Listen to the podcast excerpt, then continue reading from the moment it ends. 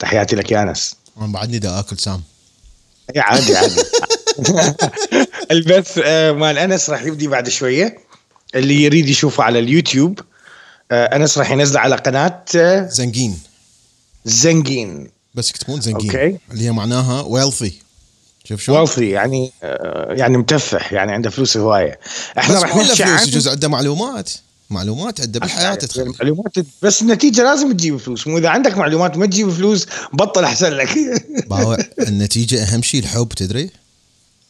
ويلي على الحب. يعني ما يفيد أوين. فلوس وسيارة وما أدري شنو إذا مو آه، تروح هيك على الجبل ماكو بمكان نائي وكوخ.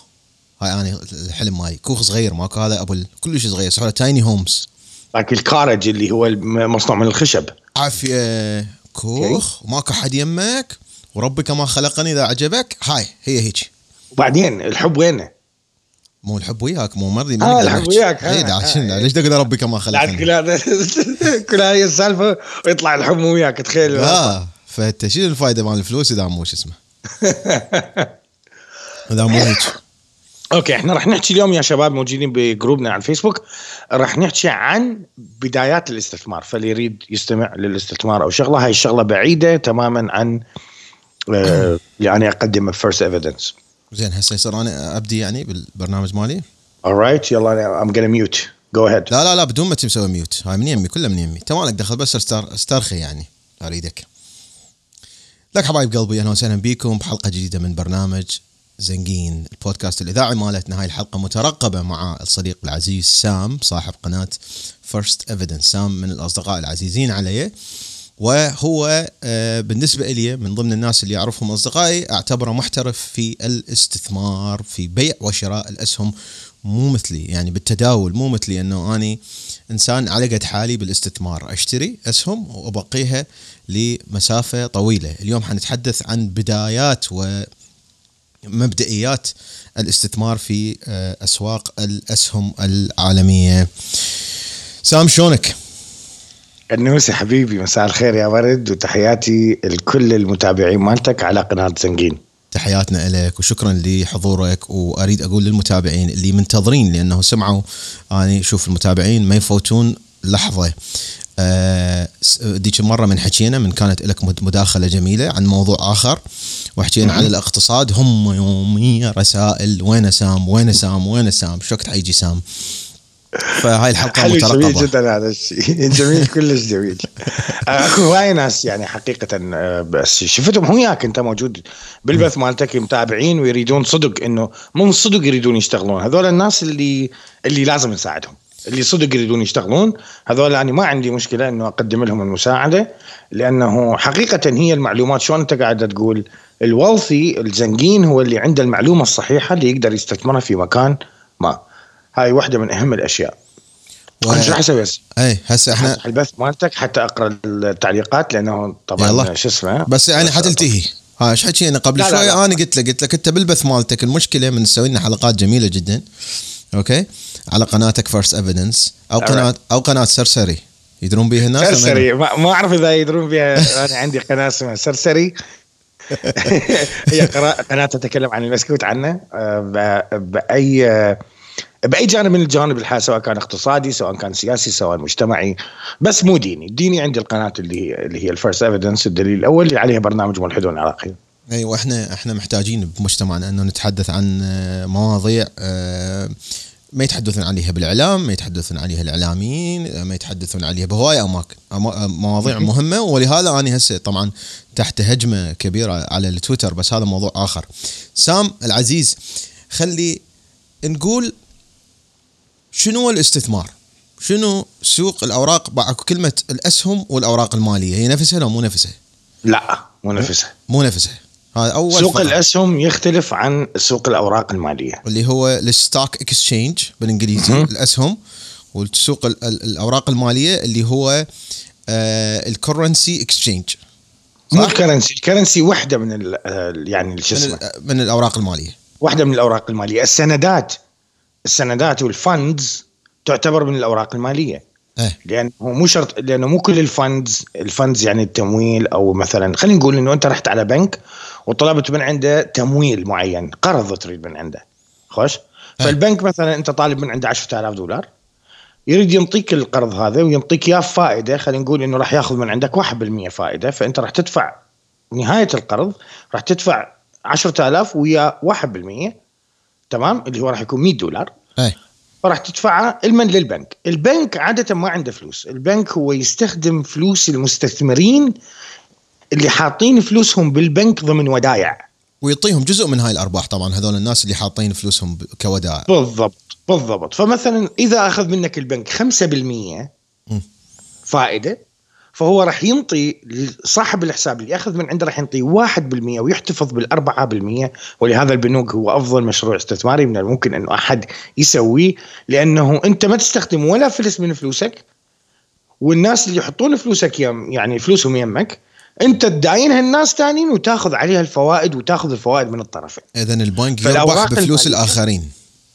اكزاكتلي طبعا أكيد. ولهذا الأوراق المالية اللي من ضمنها العملات من ضمنها السندات من ضمنها ال- العقود اللي هي العقود ال- يسموها العقود الثابتة مثل الودائع. نعم. آه، هذول كلها إضافة إلى التمويل الحكومي. هم كذلك يندرج تحت اسم ال funds ال funds. تبقى إنه مثلا أكو حكومة مثلا خاصة في الولايات المتحدة الأمريكية متميزة جدا بهذا الموضوع. ان هم عندهم يبيعون سندات. أيوه هو هذه ال bonds اللي هي السندات هي سندات تطلقها الحكومة تداين من الشعب.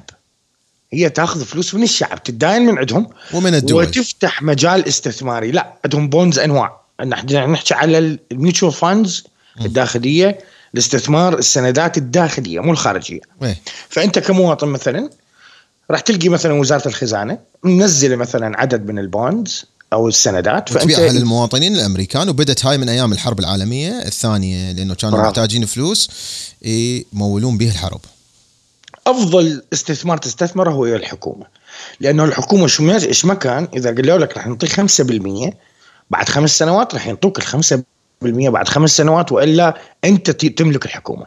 وهذا ما راح يصير. زين. هاي أهم شيء التفريق بين الأسواق المالية وسوق الأوراق. سوق الأوراق معناها إنه أنت أكو شيء ملموس بإيدك مثلا مثل الكرنسي. اللي هي ورقة. هي هم طابعيها. هاي الورقة طبعا قاموا هاي بعد ما يطبعوها يعني في السابق كانوا يسووها. يطبعوها ورقة إنه أنا أعطيك إياها هاي مكتوب بيها إنه اني أنت أعطيتني مئة ألف دولار وأنا حاطيك عليها. هالقد فوائد وأرجع لك إياها بعد 10 سنوات 20 سنة 30 40 50 وهكذا. بالضبط. هاي واحدة من أهم الأشياء. هي ال- الأسهم هو اللعب هنا الأسهم لأنه سوق الأوراق المالية آه، نوعا ما هو بدائي وهو نوعا ما اللي هو السيف يسمون يعني اللي اللي يريد ما يخسر فلوسه يعني بشكل كامل يعني يروح فلوسك ترجع على لك. سوق الأوراق. فلوسك ترجع لك لكن بعد شنو بعد ما يصير ماتشوريتي بعد ما تنضج الوديعة إيه فأنت ارتباطك بهاي الأوراق المالية أو بالسندات راح يكون بيفت شيء مهم جدا ألا وهو شنو؟ إنه أنت مثلا العقد مالك وياهم لمدة سنتين فما راح تقدر تكسر الوديعة لمدة سنتين سام تعلمت. تعلمت فد شغلة بأمريكا إنه عندنا كان بالعراق يكون يعني فد عائلة مثلا مثلا فتحوا مشروع بسيط. خلي يكون المشروع مثلا حلويات الخاصكي مثلا مثلا. تشوف هاي أنه مثلا؟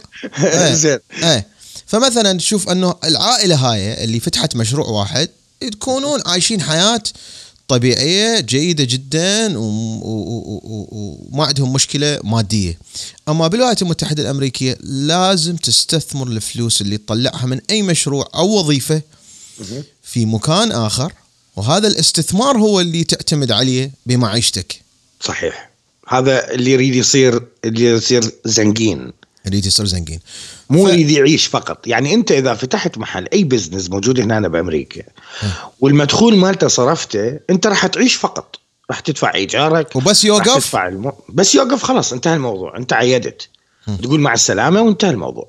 الناس اللي موجودين مثلا اللي عندهم موظفين مثل ما صار هسه ال recession هسه ال recession أنت انتبهت إنه عدد الوظائف اللي راحت أقل بهوايه من 2008 6.6 مليون بس أقل من 2008 لأنه ناس هواية ما تسرحوا أي. والحكومة انتبهت على الغلط اللي صار.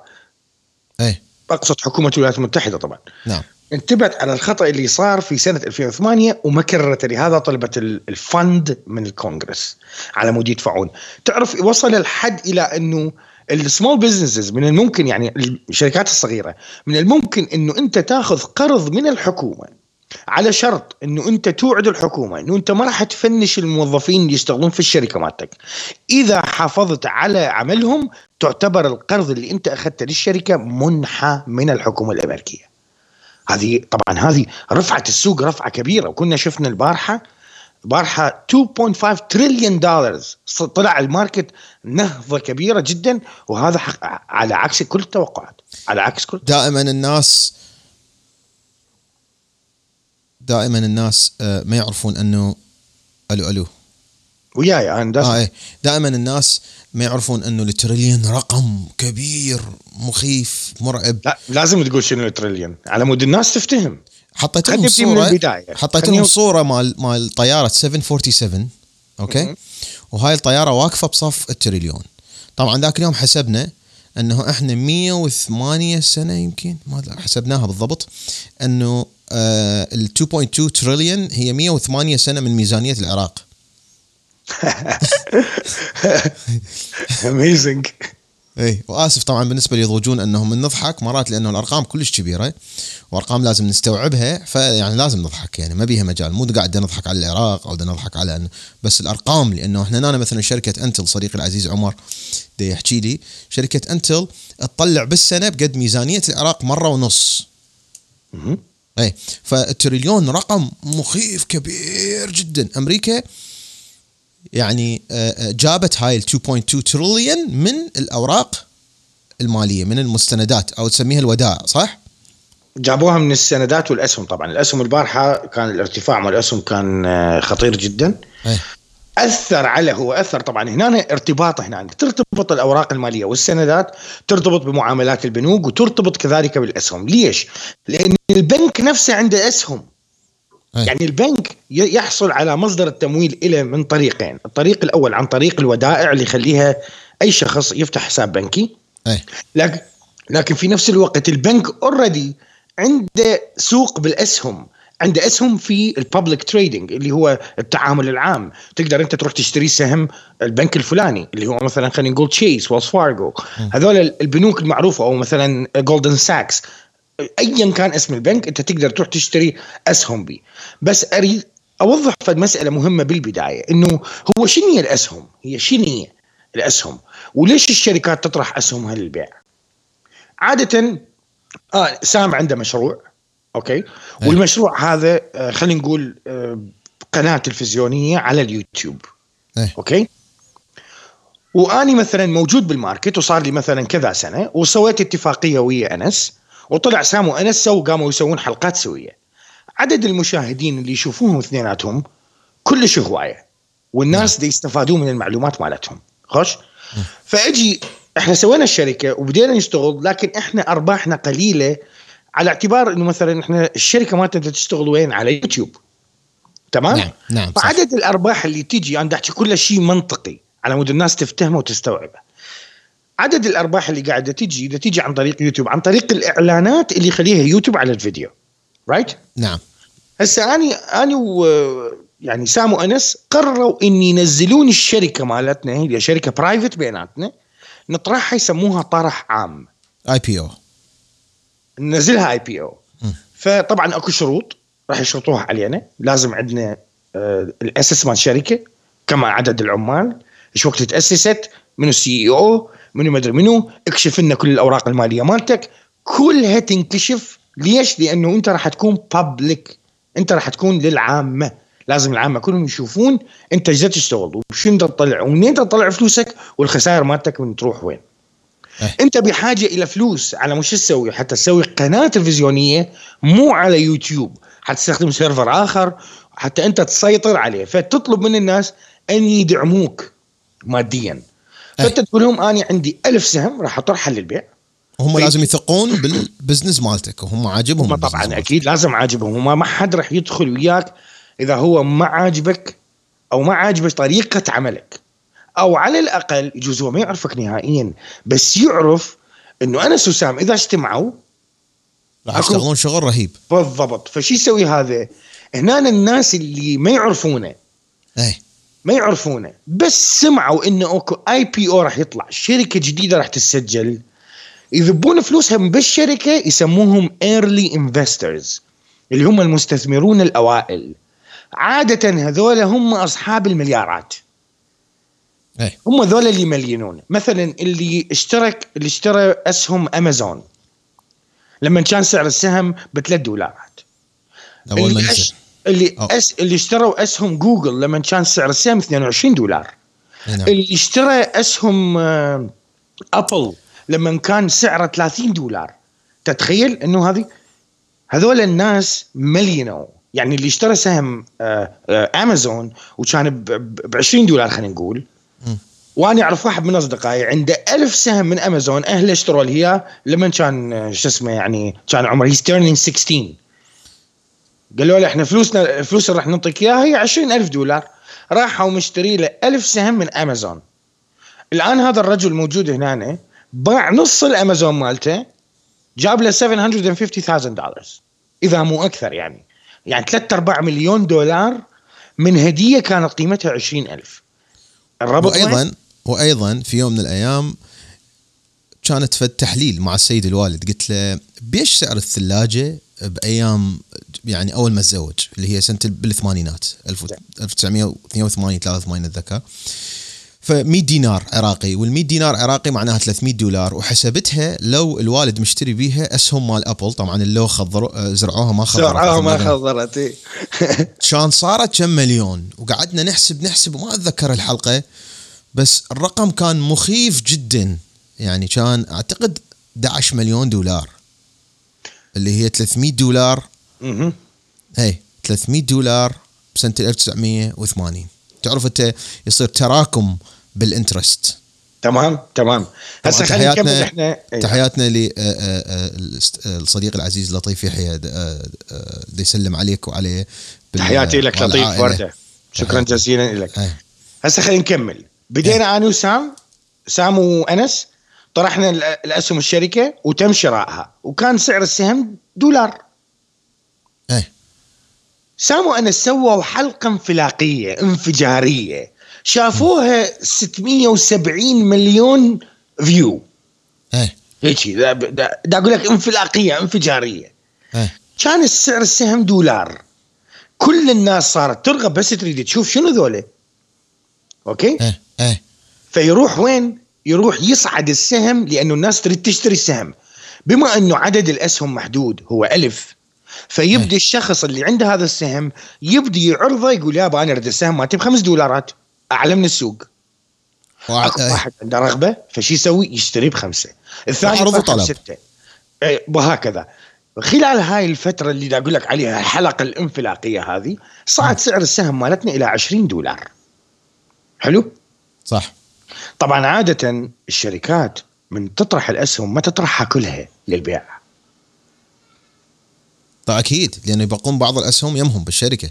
ليش؟ لازم لازم تبقى من ملكية لهم برافو أيضا.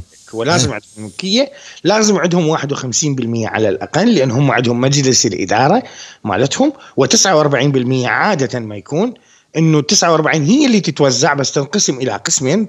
ال 49% خلينا نقول تنقسم إلى 40% اللي هي public trading وال9% يسموها ال voting ال voting عندهم ليه يخسرون ال voting مالتهم دائما يخلون 9% احتياطية. هاي معلومات شوية أكثر يعني بالعمق يعني. آه، بالعمق وخصوصا مثلا عندك السهم مال فيسبوك آه، مصمم بطريقة إنه مارك زكنبرغ يبقى إنه هو مسيطر على الشركة. مسيطر على الشركة وحتى لو تشتري الأسهم مالته أنت وحدك تشتريها راح تكون شريك وياه لكن ما راح تكون أنت صاحب القرار. اللي هي ثلاث أنواع أسهم آه، نزلوا. مو اثنين. تختلف أنواع الأسهم اللي ينزلوها آه. طبعا. آه. طبعا أنت ال IPO اللي ينزل يحتاج ل 180 يوم فترة تجريبية. راح يشوفوه هم. أنت راح تفتحها مثلا خلينا نقول ويا بورصة آه، آه، ناسداك. بورصة ناسداك yes آه.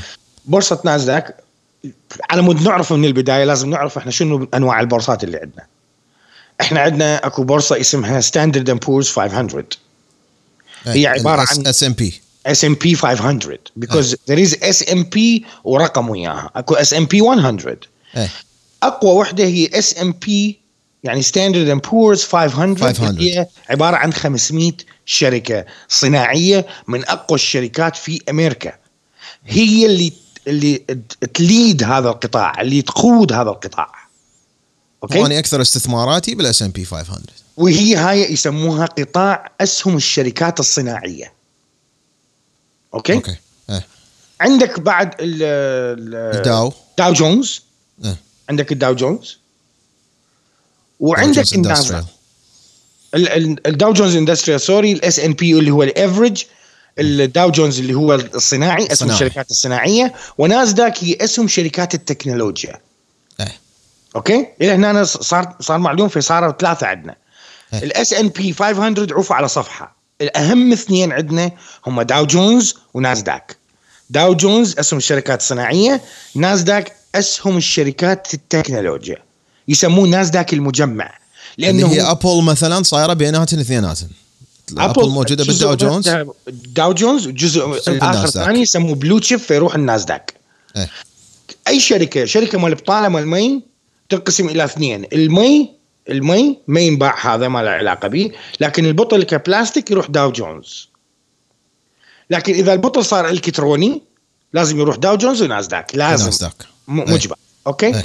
كل ما كان أقوى كل ما يكون ال S&P طبعا ياخذ 500 شركة إضافة إلى عندك مؤشر اسمه راسل 2000 راسل 2000 هذا يقيس مقياس 2000 شركة يعني المقياس مالته أوسع. طبعا سام العزيز إحنا نحاول انه هاي المعلومات ما أريد اللي دا يسمعها لأول مرة أنه يخاف ويقول لك هاي شنو أنا كل شيء ما حفتهم وما حقدر أشتغل بالسوق. لا لا لا لا. هاي المعلومات طريقة تعلمها يا أما الواحد يقراها أو يدرسها يا أما الواحد يبقى يستمع لها يعني أنا بالطريقة البدائية لما جيت بأمريكا أول مرة بديت أنه أريد أدخل عالم الأسواق المالية وأفتهم شنو الموضوع. كانت بالنسبة لي متأخرة لأن أنا جيت ب 2009 لامريكا وما بديت إلا بال 2012 فبال 2012 كنت أستمع إلى آه، برنامج إذاعي اسمه ماركت بليس ماركت بليس بودكاست مشهور جدا هذا. اي فماركت بليس بس مجرد أنه أستمع له وكل شيء ما أفتهم. كل شيء ما أفتهم قمت أفتهم الكلمات قمت أفتهم بحيث من أروح أقرأ كتاب من أروح أريد أتعلم.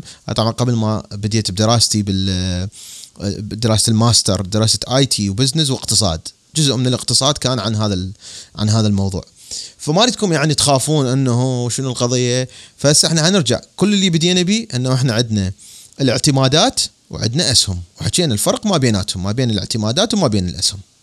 صح؟ جميل 100% أي. أكو فد شغلة كلش مهمة أريد أزيدها على الكلام اللي أنت قلته لأن كلش حلو هذا الكلام. أي. لغة الاقتصاد هي لغة موحدة بالعالم. هذا الحلو بيها كلش موحدة. مثل لغة النوطه الموسيقية. مثل ما إنه أنت كل بيت بيه باب كل بيت بيه شباك. يعني فهذه اللغة لازم ال- اللي الشخص اللي يريد يتعلم الاقتصاد ويتعلم الاستثمار لازم يعرف شنو معنى put شنو معنى call شنو معنى bullish شنو معنى إنه مثلا خلينا نقول صعد نزل زيادة طلب limit لازم يعرف هاي الاشياء إيه. بالضبط. يعني اكو اشياء لازم يعرفها. ولازم يعرف شنو معنى IPO يعني ليش هو IPO شلون ينزل؟ وشلون يتعامل؟ يعني الاسهم قبل ما يتداول يسموه IPO يتم تسجيله أو يسموه الاكتتاب. إيه. الاكتتاب معناه أنت تكتتب ويا بورصة ناسداك تقول لهم إنه أنا عندي سهم وافقوا عليك وقالوا لك تاريخ نزول السهم راح يكون في المكان في اليوم الفلاني. تمام؟ إيه. ويطرحوه لل early investors اللي يريدون يشتروه وهنا أكو فرق بين ما إنه أنت تكون في بورصة نيويورك أي قدام نعم. ناسداك تقدر تشتري الصبح قبل كل الناس. والفرق الث... أو أنت broker يعني أنت مضارب أصلا وعندك license ساعة بيش. إيش قد الفرق؟ ساعة بيش مال نيويورك؟ تسعة. ساعة 9 الصبح. الساعة 9 الصبح تقدر أنت كمضارب داخل الصالة تقدر تشتري. إيه تسعة ونص ينفتح لل public للناس العاديين اللي قاعدين بالبيت مثلا. يغلق الساعة أربعة ومن الأربعة للأربعة ونص تقدر تشتري وتبيع إذا أنت كنت مضارب. يسموه after market واللي قبله من 9 ل 9 ونص يسموه pre-market قبل افتتاح السوق. وهذا طبعا ما بتوقيت نيويورك. توقيت نيويورك دائما اللي هو ال Eastern Time United States ال Eastern Time اللي هو في الولايات المتحدة الأمريكية. اللي حاليا متوقف بسبب الحجر الصحي. لا لا لا لا لا لا. ماكو؟ الاكتتاب اللي بالصالة الفرصه لم تتوقف ابدا. الناس اللي خلوهم خلوهم عندهم distances موجودين ذولا ما يقدرون يعوفون الشغل مالتهم. مستحيل يعوفوه لأنه هذا أهم market بالعالم. لكن قللوا الزخم اللي موجود جوا وحولوه إلى معاملات إلكترونية. نعم. وسووا ديلي 20 ثانية تقريبا مو هواية بس نجحوا فيها.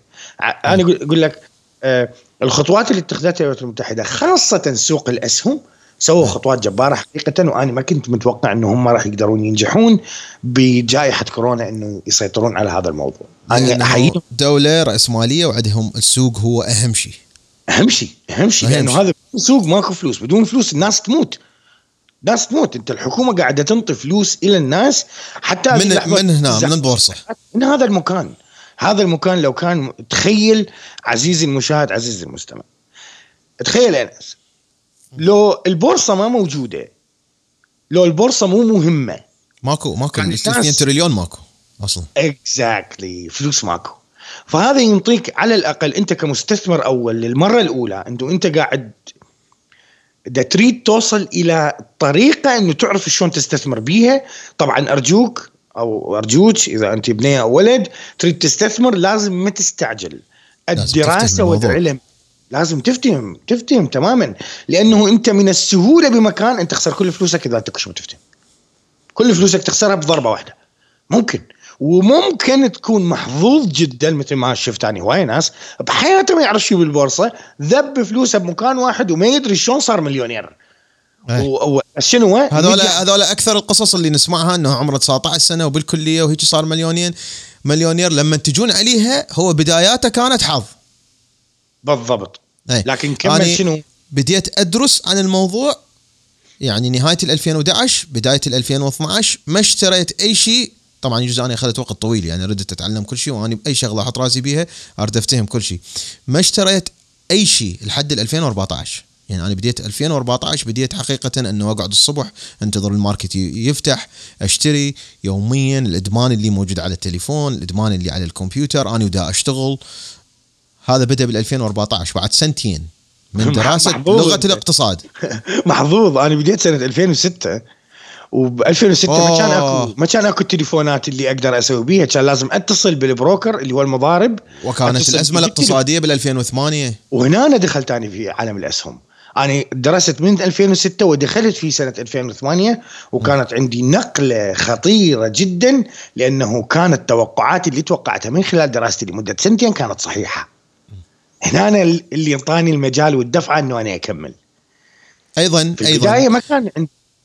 لما لما وصلت آه، لامريكا بال 2009 ويعني ما صار لي ثلاث أربع أيام بأمريكا وما أشوف إلا ال sheriff department ال sheriff اللي هو مثل الشرطة. جوي على ناس جيراننا في ولاية ألاباما كنت قاعد بمكان in the middle of nowhere بنص الصحراء نص المزارع وش اسمه. جوي طردوهم بالشارع. وسدوا البيت مالتهم قفلوه وحطوا خشب هيك سدوها رقعوها للباب. وتخبلت هاي أمريكا. شو شنو يشمرون الناس بالشارع؟ شنو المشكلة؟ مشكلة الأزمة الاقتصادية. شكو واحد أسأله داير ما يدوري شلون صارت الأزمة الاقتصادية؟ يقولوا لي والله السياسيين ذولا طماعين الجشع. لك لا لا لا فهموني بالضبط شنو اللي صار. بديت من ال 2009 اريد افتهم بالضبط شنو بالضبط شنو اللي صار بالسوق وخلى يؤدي إلى هاي المشكلة. وما افتهمت الموضوع إلا بال 2015 من 2009 ل 2015 ما خليت article ما خليت كتاب افتهم بالضبط شنو اللي صار آه، بسبب ال mortgage securities. اللي هو التمويل العقاري هو المشكلة كان الإسكان هو القروض الإسكانية هي اللي سوت نزلة 2008 إيه. وهذه كارثة طبعا واحد ومن ذاك اليوم من 2015 لحد الآن أنا منتظر أزمة اقتصادية أخرى. إحنا المفروض أنس إحنا سبق وان التقينا وحكينا بهذا الموضوع. إيه آه، المفروض إحنا كان كل العالم الاقتصادي متوقع أزمة في نهاية 2019 بداية 2020 إحنا كنا متوقعيها أصلا إنه يصير أزمة اقتصادية بس ما كنا متوقعين إنه أكو كورونا اللي راح يسوي الأزمة الاقتصادية. إحنا كنا وصلنا إلى مرحلة قلنا الماركت صار بتضخم كلش عالي كلش عالي إلى درجة إنه من الصعب جدا السيطرة عليه لأنه تخيل مثلا أسهم تسلا. إيه. لما هم كان عندهم قرض أنت تخيل هم ماخذين قرض بثلاثة 3 مليار. 3 مليار alright. 3 billion yes okay؟ ب 3 مليار ماخذين قرض. وكان ما حد. يعترف بيهم وما حد يقول لهم إنه أنتم ما أنتم ما حتنجحون. تمام. فهم شنو سوى؟ هو لعلمك شنو اللي صار؟ إنه الشركة اللي اللي اعطت القرض لتسلا إيه. تسلا تخلفت عن موعد السداد المقرر واللي كان بشهر سبعة. العفو بشهر آه، 31 خمسة بالتحديد. إيه. يوم 31 خمسة كان لازم تسلا تسدد أول دفعة مليار وياها الأرباح على شرط. إيه. إنه سعر تسلا يوصل إلى 350 دولار للسهم الواحد. إيه. تسلا صار عندها عجز ما قدرت تدفع. صار عندهم نزل سعر السهم من بالبرودكشن 270 إيه. احترقت السيارات. إيه. من 270 دولار نزل إلى 180 دولار وحصلوا ضربة كبيرة على رأسهم لأن دفعوا الغرامة وسحب الدائن سحب مليار من عندهم وقال لهم المليارين اللي جاية خلال ست اشهر إذا ما عديتوا 350 ورجعتوا لنا فلوسنا إحنا راح نسحب المليارين الثانية وستسقط شركة تسلا إلى الأبد. تخيل. شنو اللي صار بالست اشهر الثانية؟ وأنا قلبي قوي اشتريت تسلا ذاك. الوقت. أنا اشتريت تسلا كذلك. بس مو هواية يعني أنا لو كان لو هاي المفروض كان اشتريت بكل فلوسي تسلا. أني ضربت ب 6300 سهم من تسلا. wow. بس هنا أنا خلي أقول لك شنو اللي صار. إيه يعني هاي تبعت بيتك وش اسمه؟ بس تشتري تسلا. هيك شيء هنا أنا أنا ما دخلتها كشراء أسهم. إيه. دخلتها من طريق ال options بدأت لحد دوخم إي أنا بس دخلت بطريق ال options بعدين راح نحكي بيها.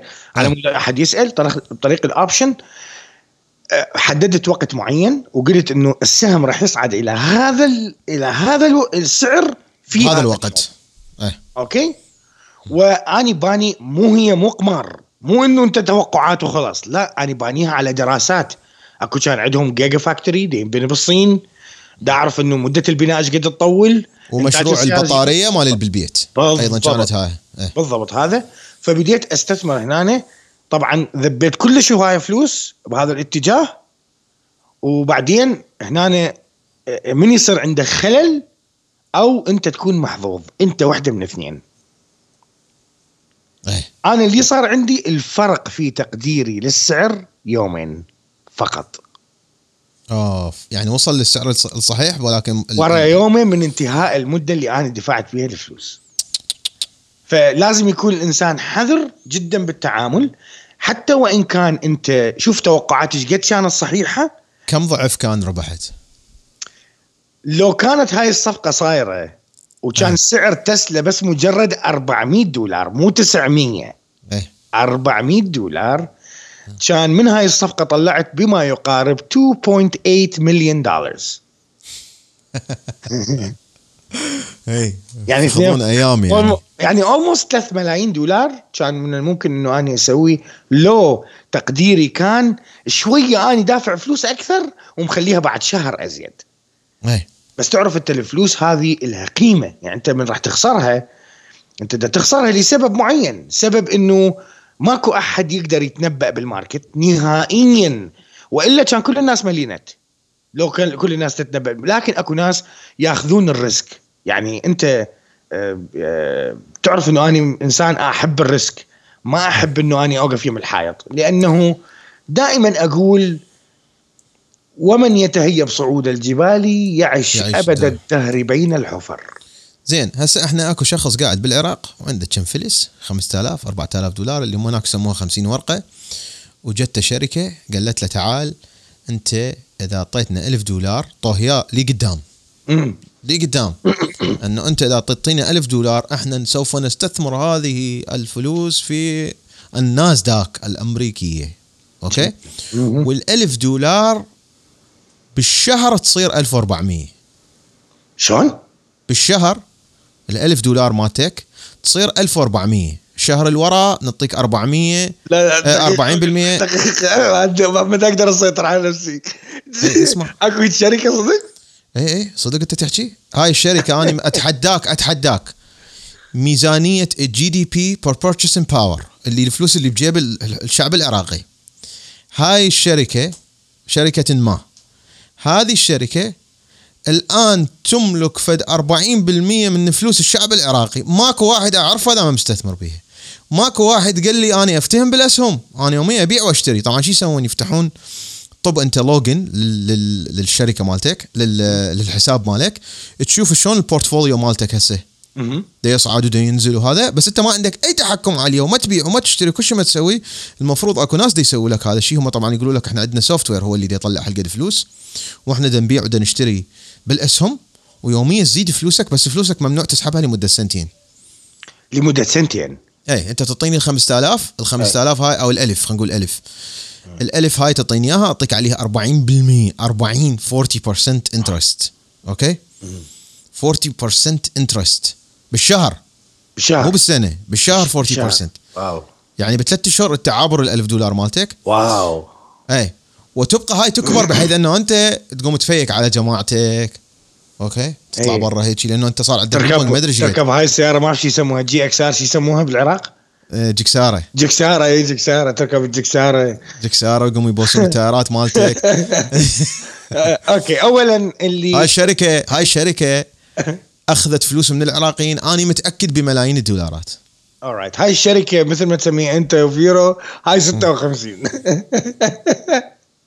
لا حد يصدق بواحد ينطيك 40% أصلا لو كنت أنت financial advisor الآن تقدر تقول الواحد إنه استثمر بهاي الشغلة وأني I guarantee you أعطيك guarantee إنه أنت هالقد حتطلع فلوس. تقدر؟ أكو واحد يقدر يجي يسوي بأمريكا ولا يسوي هو هو مو مو شيء اسمه إذا أنت financial لا هاي هاي راح نوقف فيها لأن هاي بيها شغلة ثانية أخرى. مو مال مال guarantee إنه لا تقول ماكو guarantee guarantee ماكو guarantee guarantee يعني شنو guarantee لو guarantee ليش يشتغلوا advisor خوبا هو يروح يسويها. آه. ياخذ يشتغل؟ فلوس من الدولة حاليا مثلا ال interest rate صفر اي يروح أنا اخذ يدخل فلوس من ياخذ الدولة. يعطوني ال 100 دولار ما أدفع عليها أي فوائد وأروح اني أستثمر بيها اي اي يقدر ليش ما يسويها؟ ليش دا أعطيك 40%؟ ها أكو فد شغلة ثانية أريد أقولها وهي كلش مهمة إيه الاستثمار عادة بالأسهم إحنا عندنا قاعدة يعني أنا. كإنسان يعني بسيط أعتبر نفسي بالاستثمار. مم. يعني ما شايفني اني فايت ب 3 4 مليون أنا مود استثمر مثلا. بافت فايت ب 500 مليون دا يستثمر، هذول الناس ثقال يغيرون السوق. إحنا ناس عاديين يعني. أكو مسألة بالاستثمار يسموها 2020 2020 لازم تخليها ببالك اللي هي 2020 إيه. 20% إذا حصلت نسبة ربح على السهم بيع. لا تطمع. إيه. 20% رقم كلش كبير ما ينطيك إياه أي بنك. يعني أكبر بنك في أمريكا ينطيك 0.015% عافية. أكبر اللي يعني شركة- الألف دولار مالتك بالسنة كلها بالسنة كلها يطلق عليها آه، أقل من 15 سنت؟ اي 15 سنت exactly الألف دولار ينطوك عليها 15 سنت ورا السنة. إيه.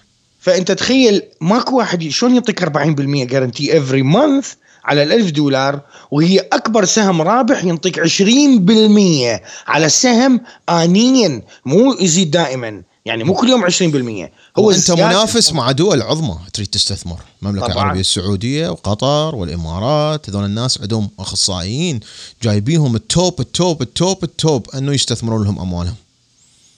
20% إذا وصلت بالأسهم لل 20% أنت محظوظ. عادة 15 12 بس 20% هو الرقم. أكثر من 20 14 لحد الآن 14 ال portfolio مالتي okay. 14 هذا great بس اني لو بمكانك ما ابيعها إيه. اني اني هيك أشتغل. اني دائما أقول 20 20 شنو 20 أول 20% أبيع نص ال portfolio. ال portfolio اللي هي المحفظة. المحفظة مالتك إي نعم. ثاني 20% أبيع نص اللي بقى عندي. يعني كأنما بعت يعني قسمها المحفظة إلى أربع ارباع بعت 10% بعد. تمام. آه، لا، 25% خ- إيه. 25% الباقيات اللي هي الربع. إيه. والربع الأخير هذا ما ابيعه نهائيا. هذا طويل الأمد. Long investment exactly هذا long term لازم أخليه. إيش قد أخليه؟ أنت وحظك بعد. أنت تشوف الشركة من العشر سنين موجودة تقسم على اثنين. خمس سنين تبيع السهم. هاي هاي لازم انت تاخذها. كل شخص عنده قاعدة مالية هو يبنيها من خلال خبرته. يعني أنا اريد اعطيك اياه قاعدة مالية أنا أستخدمها. أنا كشخص أستخدمها لحالي. لكن أنت تقدر آه، تقلدها. تقدر تقللها وراح تشوف نفسك إنه أنت إذا وصلت لل 20 بالمية وما بعت الأسهم مالتك راح تلقى نفسك إنه أنت حققت أرباح خلال سنة صار لك انت ثلاث أربع سنين تشتغل ما محققها. بهالسنة صارت عندك زيادة بالأرباح. بعدين راح يصير عندك فهم أكثر إنه أنت لازم وين تستثمر وش معنى تنطي لهذا السهم 10 سنين وهذا السهم لازم تبيعه ورا شهر. إي نعم. أنا هي. سؤال لازم تسألني أنت. انت لازم تسألني؟ سؤال كمستثمر يعني. أنت يلا. كمس... كم... اعتبر نفسك أنت مستثمر مبتدئ ودا تسألني هذا السؤال. شنو يدي يكون أول سؤال في بالك؟ وأنت مستثمر بالعراق عندك 5000 6000 دولار وهذه كل ملكيتك. هو أصلا السؤال اللي يجيني. ليش ما أعطيك سؤال يجيني يوميا من الصبح لليل؟ Alright هسه اني شو أسوي؟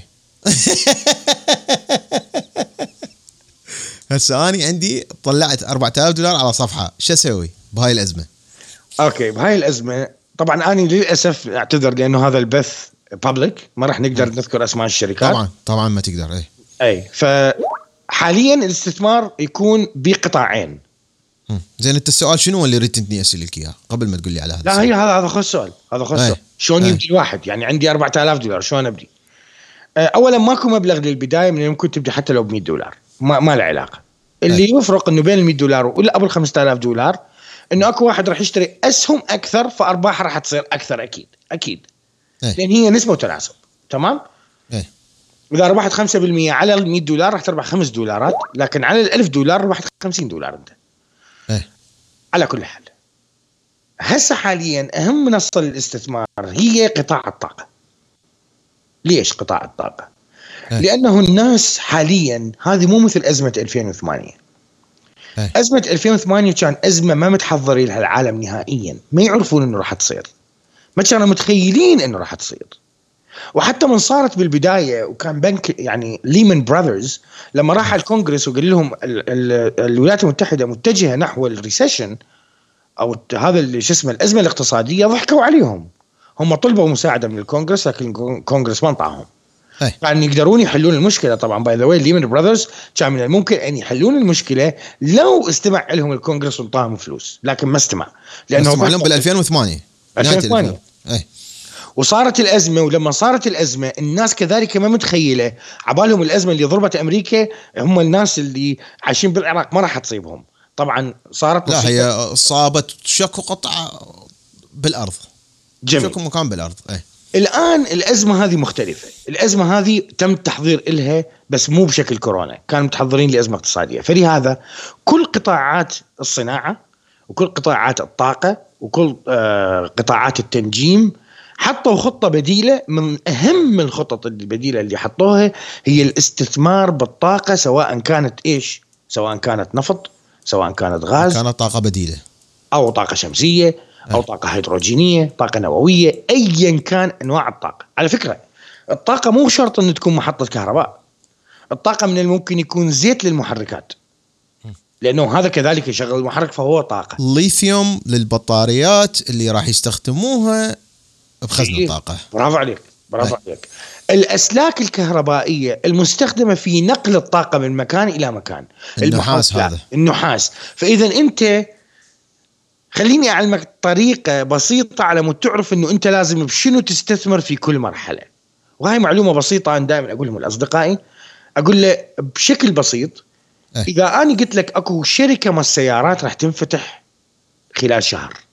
أي. شركة سيارات بس أنت ما تعرف اسم الشركة. Okay. وهي شركة شركة تصنع سيارات. تمام؟ Okay okay. وأنت تري عندك فلوس تريد تستثمرهن بس ما دتعرف يا قطاع راح يطلع. Okay وأنا هاي الشركة بعدني ما أقدر أستثمر بيها لأنه ال IPO مالتها بعد ما طالع. بالضبط. لكن okay. سمعت أخبار إنه أكو شركة راح تنفتح مال سيارات. بشنو إيه. تستثمر؟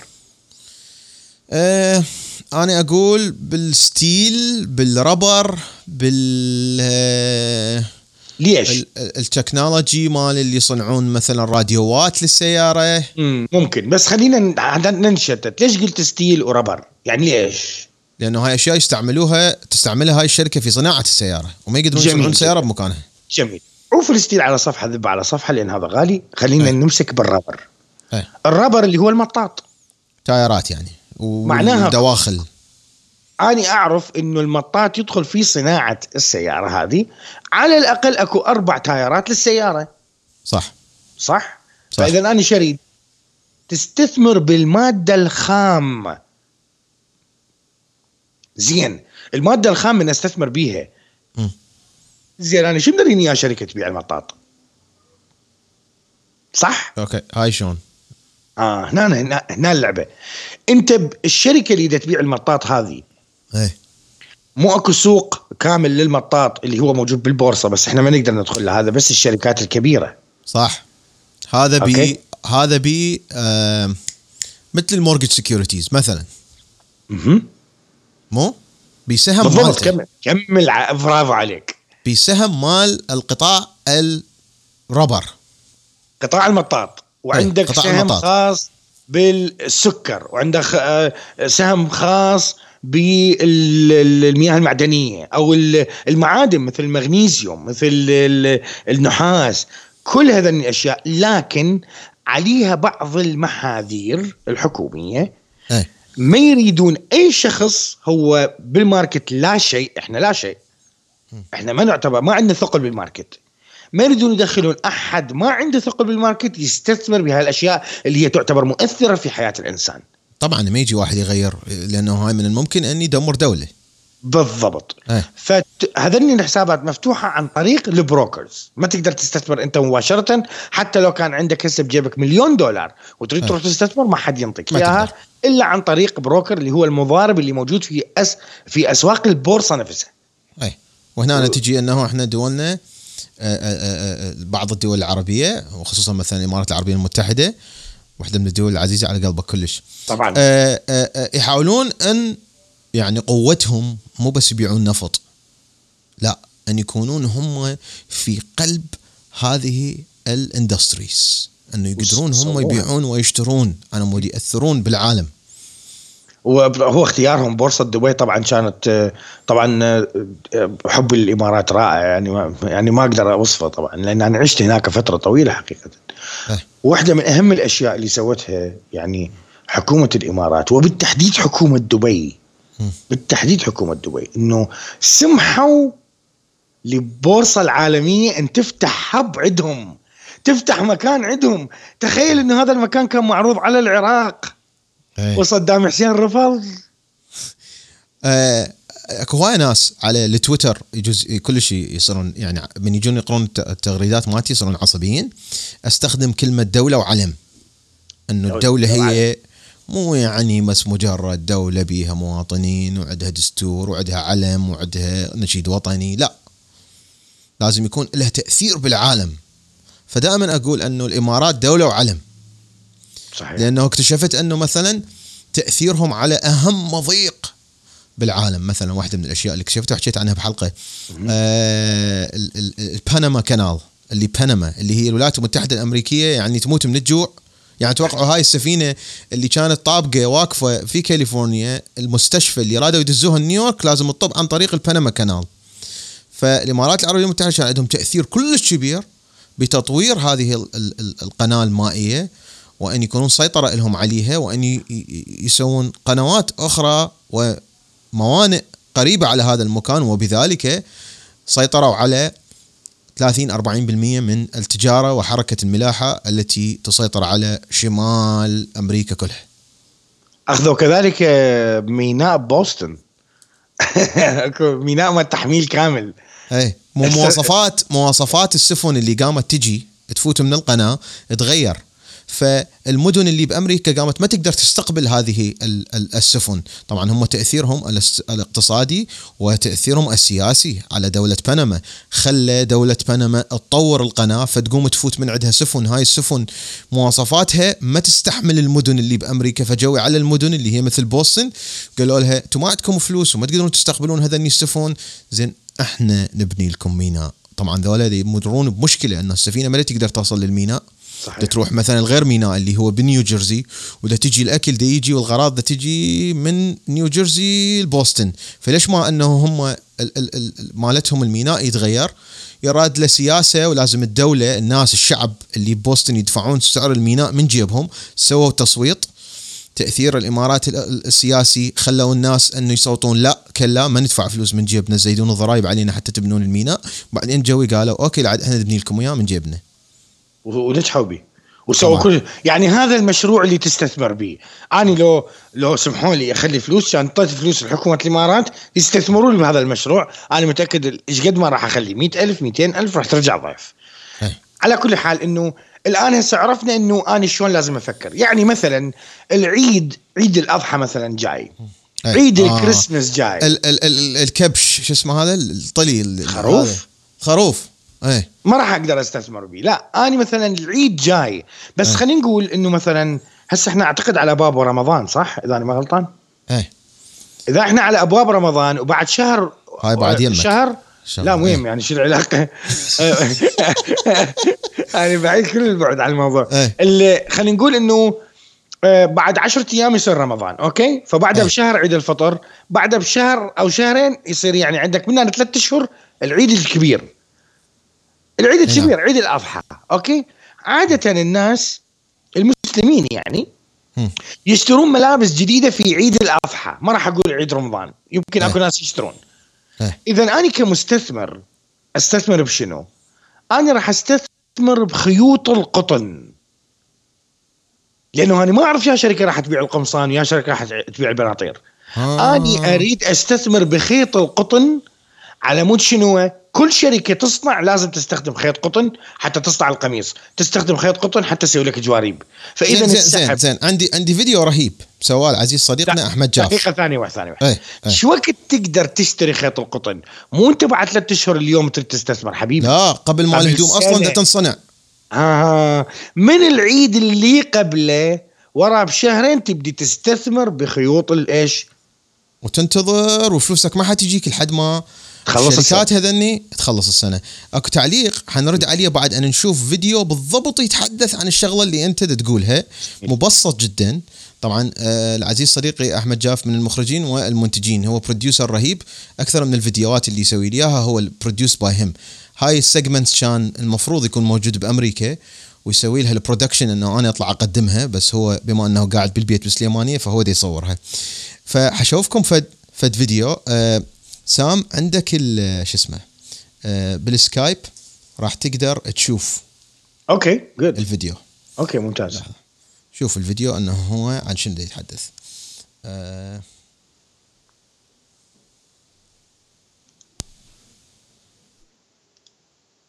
شوف قبل ما تفكر تبيع وتشتري أسهم لازم تفهم المبادئ الأساسية اللي بليها هالموضوع يصير بس قمار. فشنو الفكرة مالت الأسهم؟ خلينا نفترض اكو واحد عنده شركة عصائر آه اسمها نوري أبو الشربت. فنوري أبو الشربت يريد ينزل شركته سوق الأوراق المالية ويحصل على مستثمرين على مود يوسع الشركة. هاي يسموه IPO initial public offering اللي هو يحول شركته من شركة خاصة إلى شركة عامة. زين اللي حيشترون الاسهم هذول حيملكون جزء من الشركة والسعر اللي يشتروه آه، السهم به يعتمد على إيش قد عندهم ثقة بنجاح المشروع. بالمنتوج زين لو لا أكو منافسة من اللي حيشتري هم لازم يقررون هذا الشيء. فهاي الفلوس تخلي الشركة توسع مشاريعها وتسوي مثلا منتوج جديد والأرباح تزيد وقيمة الشركة تزيد والأسهم تزيد أسعارها. بس إذا سوى نوريا بالشربت منتوج جديد ونزل وجبة طلعت خربانة يأثر على الشركة تنزل الأسعار تنزل الأسهم الناس تفقدون ثقه بالشركة وبصاحب الشركة. فهاي الصعدات والنزلات بالسوق تتأثر بهواي شغلات منها مثلا سعر المواد الخام تصعد وتنزل. التكنولوجيا تتغير الرواتب تتغير خلينا نقول الناس تفقد الثقة بصاحب المشروع الإدارة مال المشروع. فلازم دائما تتابع الأخبار على ما تقرر إيش تشتري وش تبيع. آه بالنهاية ثقة البشر بالسوق إذا إيجابية أو سلبية هي اللي تقرر يعني السوق يصعد أو ينزل. والاستثمار على مدى طويل بشركات معروفة اللي يسموها بلو تشيب هاي أرباحكم تكون بها يعني قليلة بس أضمن من إنه تستثمر بشركة جديدة ما تعرف شنو قصتها يمكن تربح هواية ويمكن تخسر هواية مثل القمار قبل الفيديو فكرت قلت له بالعراق أكو فد شيء أستثمر به شنو؟ جديات بلا شقه يعني. أفكر بيها شنو شنو له سوق قوي بالعراق؟ وعند أحد جيرانه خلينا نقول. شنو ال blue chip؟ اذا تسوي الشركة ومعمل مرتب يسوي تربة. يسوي package حلو وبضمان إذا سووا IPO أنا أول مستثمر. شوف. عجبني. عجبني. okay. ال blue chip بالعراق من الممكن أنه تستثمر ب شنو الشركات اللي شو اسمه؟ آه ما أعرف مال الطين مثلا لأنه هذا فد منتوج يعني مهم جدا. وأكو إحنا عندنا موسم يجونا به ناس زائرين من غير دولة ويشترون الكثير من هذا المنتج اللي ما من الممكن أنه شركة لو اشتغلت به ومن صدق هي تريد تسوي أسهم تسوي initial public offering حيكون ال- التربو ما أنا يعني هو أحمد. عنده عنده وجهة نظر. إيه. يعني عنده وجه- أنا بالنسبة لي أستثمر بشيء ثاني. إيه. بالعراق يعني. أنا دارت أستثمر بالعراق أستثمر بشيء ثاني. مثلا آه، سؤال هسه مهم إجانا. يقول يابا هسه إحنا شلون نقدر نستثمر؟ أقصد طبعا سؤال من سراء البراق. أقصد ممكن بالتطبيق اللي اسمه روبن هود لو بطريقة ثانية آه، أنطونا تفاصيل أكثر مو بس رؤوس أقلام. وكاتبه مشتاقة لك ماما سعاد آه، أحبك. شكرا. آه، أنا هم مشتاق لماما سعاد. تحياتي السراء تحياتي. شكرا على سؤالها. آه، okay okay ماشي. اولا إذا كانت سراء يبدو أن سراء هي مقيم. بالولايات المتحدة. okay. إيه إيه أي شخص مقيم بالولايات المتحدة الأمريكية؟ وكذلك بعض الدول الأوروبية وبعض الدول اللي في أعتقد أستراليا؟ مفتوح عندهم تطبيق اسمه روبن هود إيه. okay. Robinhood آه، هذا عبارة عن platform منصة مجانية مجانية. بعيد وأكرر مجانيه وهاي لأول مرة. لأول مرة بالتاريخ يصير عندنا هيك منصة مجانية. okay. منصة مجانية.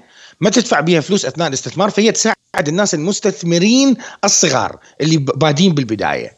إيه. بيها شروط. الشروط شنو هي؟ انت أنت لازم تكون مقيم في الولايات المتحدة. عندك عندك social security يعني؟ social security وعندك حساب بنكي مربوط ويريدون معلوماتك الخاصة كاملة من إنه تشتغل تشتغل عندك خبرة وما عندك خبرة. هم يريدون يجمعون كذلك معلومات من هذا النوع حتى يقدرون يقيمون ال platform بعد عشر سنين. Anyway. إيه الاسهم المطروحه هناك طبعا عادي تقدر تستثمر عن طريق Robinhood وب Robinhood تقدر تدخل على أي سهم من الأسهم الموجودة مجرد إنه أنت تعرف الرمز لذلك السهم أو على الأقل لا شنو اسم الشركة راح يطلع لك الرمز مالتها وتعرف مثلا قيمة السهم خلينا نقول بخمس دولارات فأنت راح تبدي تقدر تشتري السهم هذا بخمس دولارات وتخليه عندك ورا يومين ثلاثة صار بست دولارات تقدر تبيعه فراح تربح دولار على كل سهم أنت اشتريته. الشرط الوحيد في روبن هود لأنهم يأخذوا من عندك فلوس إنه أنت ما تقدر تبيع وتشتري بنفس اليوم. ليش؟ اللي هو مثل بقية ال- ال- البلاتفورمز عافيه لأن بقية البلاتفورمز بقية المنصات كل ما تقدر تشتري ياخذون من. عندك جزء فلوس. بالضبط. ياخذون من عندك مبلغ من المال.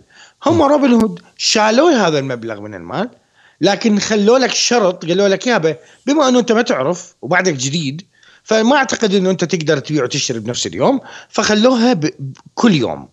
لكن هم خلوا في بالهم إنه اليوم أنا اشتريت السهم بخمس دولارات والظهر صار ب 500 دولار السهم. خش إيه. إيه. خا ما تضيع الفرصه علي. لا عندك فرصة إنه أنت تبيع السهم في نفس اليوم لكن ينفتح عليك نقطة يسموه pattern day trader اللي هو ثلاث نقاط عندك ثلاث اعتقد مرات وراها يسدون مالتك ال portfolio لمدة 90 يوم. إيه. راح تحرم من التداول لمدة 90 يوم. هاي لازم تسوى الفلوس يلا. تسوى الفلوس إنه. اخذ 90 يوم حضر. إذا تسوى إيه. الفلوس. إذا السهم كان بخمسة وصار إيه. ب 500 طلع 100 ضعف غير. طبعا وث- ثم يجوز يرجع ينزل ثاني يوم. فلازم الواحد نرجع على على خلاص. 2020 إذا أصير ملياردير مباشرة أسوي عادي يعني مو إيه فشلون تستثمر؟ نعم تدخل تسوي لك محفظة، المحفظة هي البورتفوليو هذا وبعدين تبدي تجمع الأسهم تخلي عليها علامة الزائد تجمعها على مود تعرف يا سهم تريد تتابعه. أنا أنصح الناس إنه ما يتابعون أكثر من سهمين أو ثلاثة في بداية الأمر لأنه آه، الأسهم جدا صعبة ومتابعتها كلش يراد لها وقت قبل أن تقرر. وبطريقة إحنا حكينا عليها اللي هي طريقة أن تستثمر مو بالشيء هو نفسه ولكن بصناعة هذا الشيء. حكينا على قطاع الطاقة أنه بصناعة هذا القطاع قطاع الطاقة. نعم. هذا دائما المستثمر الذكي اللي هو ليش سموه blue chip تعرف مو؟ آه لا ما أعرف. هسه راح أقول أنا. أعرف pink pink sheet و blue chip و blue chip okay. آه. ليش ال pink sheet شنو هي؟ هي؟ هاي ال penny penny stocks penny stocks penny stocks ماشي. إيه. آه أنت إذا رايح أي كاسينو راح إيه. تلقى ال pink اللي هو يكون نص دولار. اللي هو إيه. ال pennies وال blue 100 يمكن مو 100 دولار؟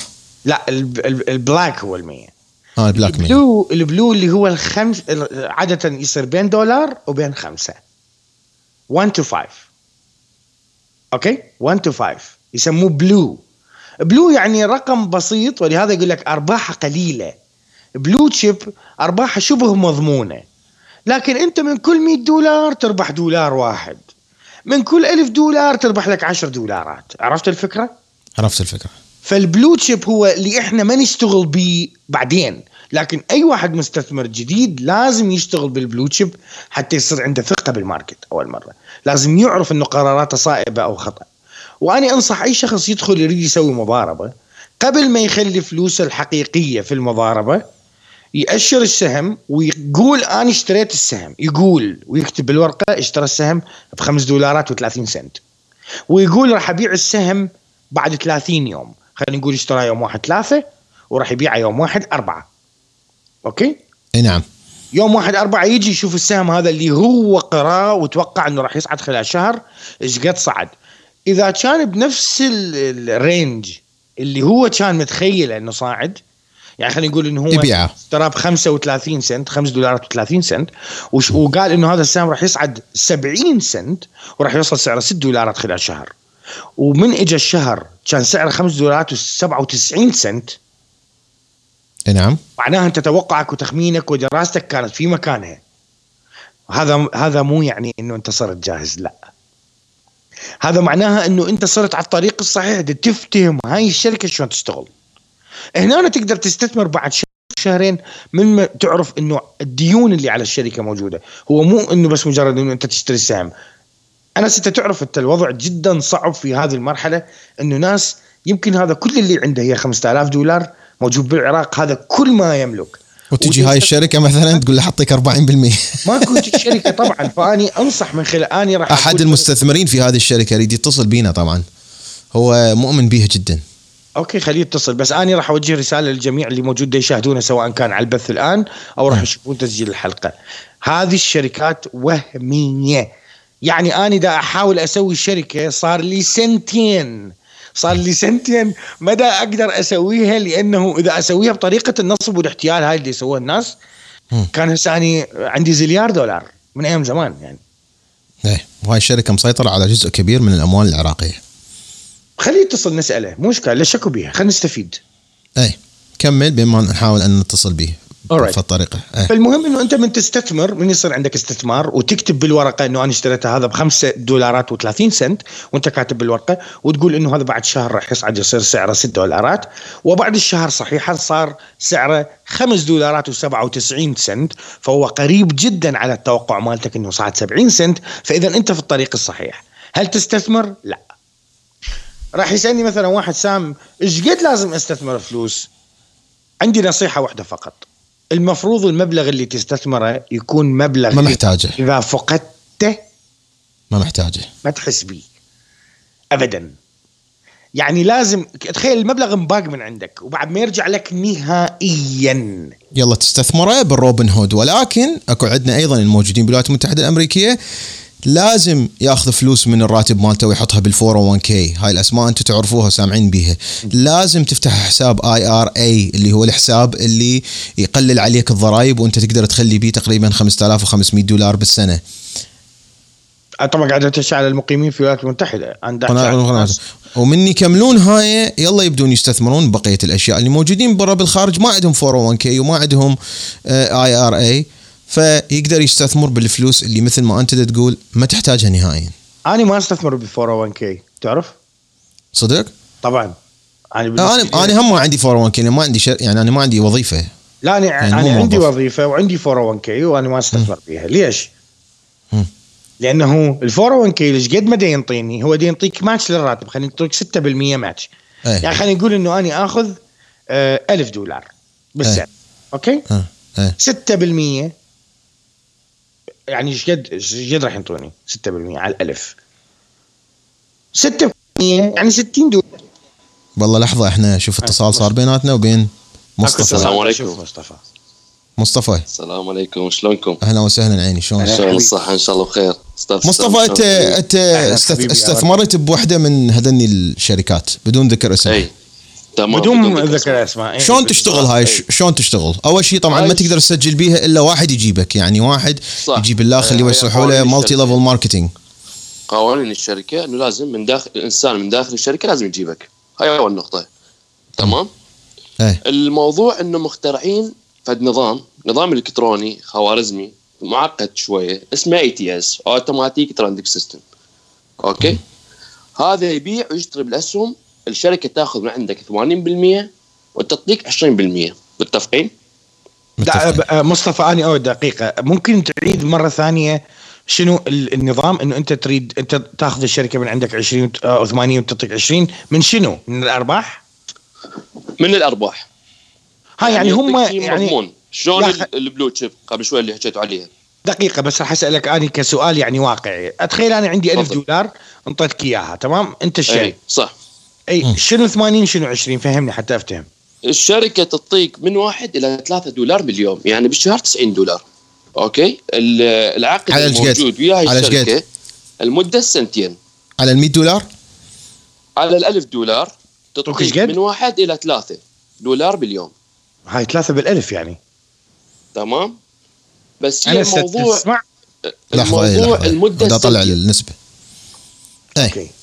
سنتين ما تقدر تسحب. فلوسك كل شيء ما تقدر تسوي اعطيتهم ال 1000 لا، دولار لا، ما يرجعوا لك. إياها wait bro لا مو هذا الموضوع الموضوع إنه الشركة تقدر تسحب أرباحك عن طريق آه، شركات متعددة موجودة بالعراق آسي حوالي أو زين كاش أو ماستر كارد أو هاي لأنه ماكو بنك لأنه ماكو. بنك بالعراق اي أو كوبنك وحتى وهاي الشركة كوبنك إلكتروني تقدر تسحب عليها فلوسها بس. قبل قبل السنتين أقدر أسحب فلوسي؟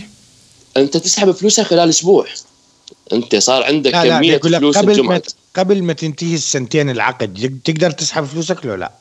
انت عندك اسهم انجمعت هاي الستاكس تقدر تبيعها تمام؟ راح يصير عليك فلوس. تقدر تسحب فلوسك عن طريق الماستر كارد. بس ما انما أنت الفلوس الموجودة اليوم بالمحفظة مالتك بالوالد ما تقدر تسحبها. تمام؟ ما تقدر إلا تسحبها. تكسر العقد إلا تكسر العقد ما بعد الست اشهر بس ياخذون من عندك ال- الفلوس اللي صارت. إيش قد؟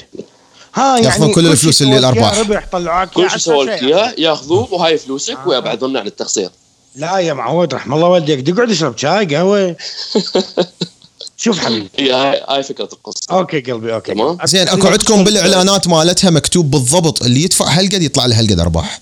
وهاي فد شيء بالقانون الأمريكي. هذا أنا يعني- يعني دز لي إياه بلا زحمة عليك. دا أدور عليه. على الواتساب. دا أدور عليه. أوكي اني أني بس أريد أسألك سؤال عزيزي مصطفى وأريد تفضل اكد هاي تفضل المعلومه أخوي سام تفضل أنت قلت على كل ألف دولار لمدة سنتين العقد نعم. يعطوك دي- دولار من واحد إلى ثلاثة باليوم صح؟ صح صح طب خليني أنا انت أنت مو أنت معتقد إنه هاي الشركة حقيقية وتعطيك أرباح صدق؟ انت هاي أنت الشركة أنا معتقد بيها أقول لك ليش؟ آه هاي الشركة موجودة ورحنا أكثر من مؤتمر موجود أصدقائي راحوا المؤتمرات بدبي وبتركيا وهوايه مؤتمرات. بس أنا سؤالي لك واضح كلش. لأن أنت أنت استثمرت بيها. كلش. هذا الشركة حقيقية؟ بدها تعطيك أرباح حقيقية؟ جاوب عن مؤمن بيها. لا أنت شلون أنت مستثمر وياهم شلون مؤمن بيها؟ لا مؤمن بيها دا أقول لك. ها أنت مؤمن بيها. مؤمن بيها. أنا راح أشرح لك طريقة. اذا اذا اذا بس. قبل ما تكمل آه، سام آه، حسبت ال interest يعطوك interest ما بين آه، 365 قول 350 أوكي. يعني 35% to 101% بالسنة. لا لا لا لا آه، آه، أنس بدقيقه أصبر أصبر. إيه. هو على كل ألف أنت إيه، إيه، حسبتها. تضرب يا 90 90 في 12 تفضل أخو سعد أوكي. تفضل. شوف أنا أنا راح أفهمك بس راح أقول لك ليش هاي الشركة مثل ما يسموها العراقيين 56 أوكي؟ وأني أقدر أسوي لك مثل هاي وأنطيك. شنو رأيك؟ أني هسه أقدر أنطيك بدل الدولار إلى ثلاثة أنطيك أربعة إلى خمسة يوميا الآن. تشتغل وياي؟ أنا أشتغل. ما عندي مشكلة. لا تتخيل أني هسه تمود تقول لي الشركة. تعطيك من واحد ثلاثة وأنت قابل. أنا مستعد ديك م- مستعد أنطيك أربعة إلى خمس دولارات باليوم؟ ها؟ نعم. على كل ألف دولار تعطيني إياها. شنو رأيك؟ جيد والله. أحسب لك إياها؟ إيه. آه آه آه سام ال- الأرباح أقرأ لك إياها لو يعني اياها برسالة 1500 لا، لا، تقريبا على- بالسنة تقريبا 1500 تجيك إذا تعطي خمس على دولار. الألف دولار على الألف صحيح. دولار على أكثر. أكثر من 1000 1500 يعني أنت 1100. سويت الحسبة مالتك صح صح نعم إيه صح 1100 زين تحسب إنه أنا إذا ماخذ من عندك ألف ويوميا أقص ثلاث دولارات من الألف مالتك يعني الدولار السنة بنهاية السنة إيه. أنا ماخذ من عندك 250 دولار بجيبي خالها ومرجع لك 750 دولار من صحيح. فلوسك أنت. صح منو اللي ربحان؟ أنا لو أنت. أنت ربحان 100% خوش. هذا أكبر دليل. ما ليش دا أقول لك؟ ليش ما يقول لك أنطيك أربعة أو خمس دولارات يوميا؟ إذا هو ضامن هذا الشيء راح يعطيك أكثر من قيمة ال portfolio مالك يا قلبي. صحيح بس هذا السبب هاي اللي أنا هسه دا باوع الصورة اللي دز, لي إياها. أنس. آه. واو. وهي أكثر المفروض المفروض الإمارات يبطلون من الميناء بس يروحون الشركة إيه. لا لا لا لا لا. يعني اني هو. هو لحظة لحظة سام. بس هذا ال... ال... ال... الصورة دزيتها. أوكي؟ ححطها على شو اسمه بس خلاص ما مكتوب بها اسم الشركة لحظة بس هاي الصورة سويتها لو أي broker هنا اعطاك إياها شو يصير بيه؟ شو يسوي له؟ سامع بكلمه شرمو شرم يعني يعني. يعطوه experience إنه هو راح يطبل مركز شرطه بالعراق اي شيء يسوي له لا لا experience ما- مركز شرطه أنت كلش يعني مال بالعراق لا إيه. مركز شرطه بالهند يمكن يجوز إيه. لا لا لا تسقط اذا تسقط تسمحوا لي بلزحمه إيه. آه، أشكرك. هي المسألة ما دي يشتغلون على مسألة إنه يعني واحد يجيب واحد. هي موضوعهم كله للتسويق. تسويق هاي الشركة. هسه عرفنا من أنه أني ضد. ال multi-level marketing أنه واحد يجيب واحد. لك هاي من عندها. هاي نهائيا عرفنا هاي بدنا هاي بدنا نناقشها بدنا نناقش أرقام. أنه أنت 1000 دولار دا تجيك عليها بالسنة 1095 دولار حسبتها طبعا. تجيك عليها تمام. 1095 دولار. تجيك عليها ما لا يقل عن يرجع لك 365 الرقم نفسه في اثنين.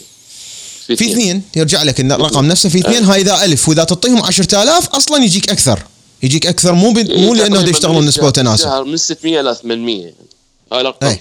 ثابته صحيح. نعم نعم. الربح الشهري ست- 600 إلى 700 600 ل 800 إذا تحسبها من ثلاثة لا أي. لا وبعدين أربع مجموع الربح السنوي؟ مو دا أقول لك يا حبيبي هو دا يعطيك 800 دولار على الألف بالسنة صح؟ صح. فهو ربحه 200 دولار. انتهى الموضوع.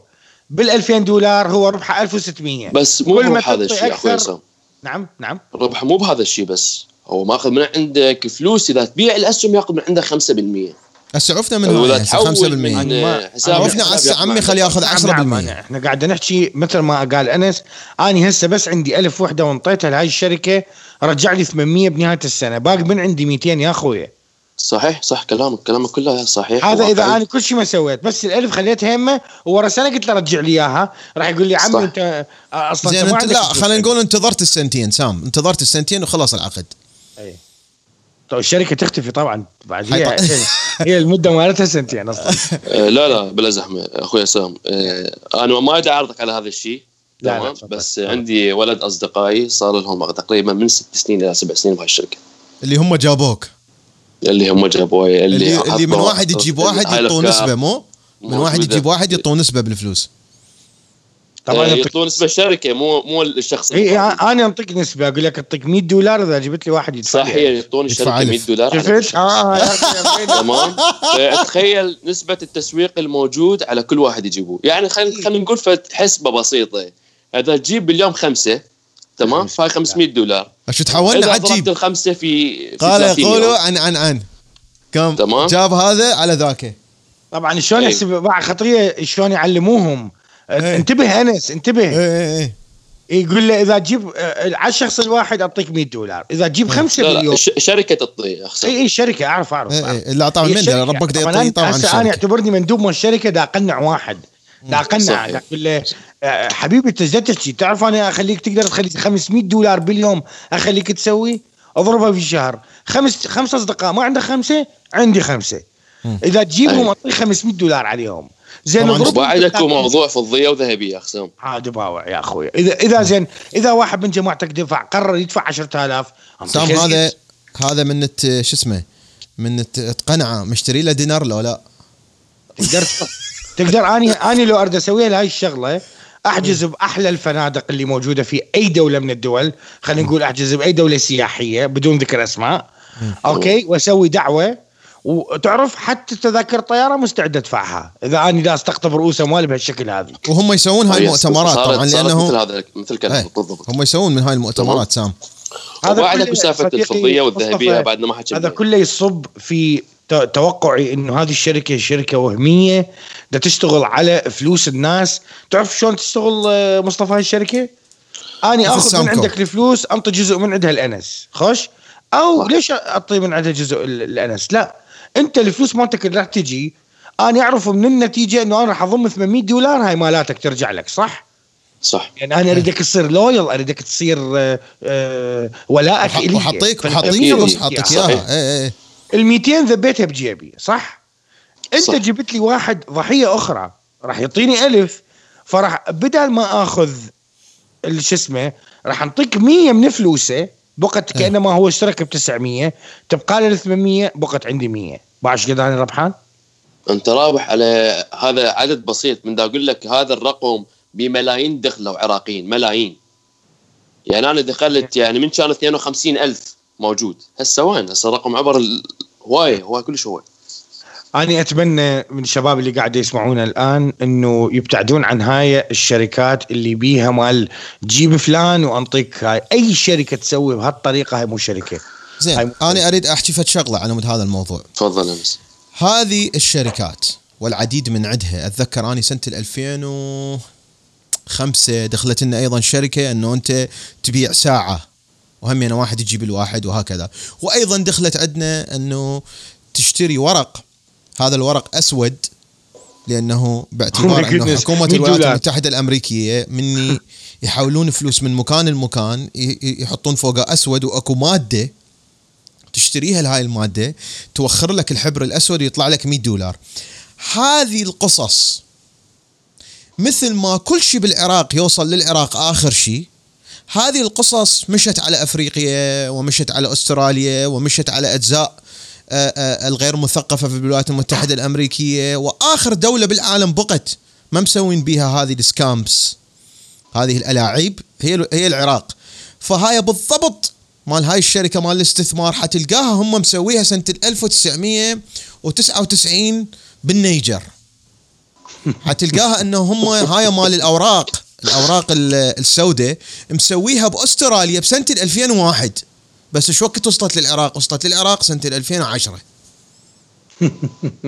صحيح صح كلام يعني أنا أشكرك مصطفى حبيبي يعني جدا حبيبي اشكرك على بس. أنا عندي. مداخلة ثانية إذا تفضل. تزعل شنو يعني؟ أنا بالنسبة لي ما حاط هذا الموضوع إنه واحد مثلا ما عنده شغل وقبل يدخل هاي الشركة على أساس يصير ملتي ملياردير هذا موضوع غلط تمام كلنا عندنا شغل ونح... يعني نحاول إنه نطور شغلنا بعمل ثاني فكرة ثانية تمام إيه فأنا بالنسبة لي أشتغل بنظام ال- المضاربات نفس ما قال الاخ سام قبل شوية تمام شلون؟ شلون؟ الضربات شلون تشتغل بالمضاربات؟ أنت عندك عندك حساب؟ أنت بالعراق؟ أنا بالعراق موجود وعندي أوكي. شنو نوع شركة بدون ذكر أسماء شلون. بتذكر اسمه؟ شنو هي؟ شلون؟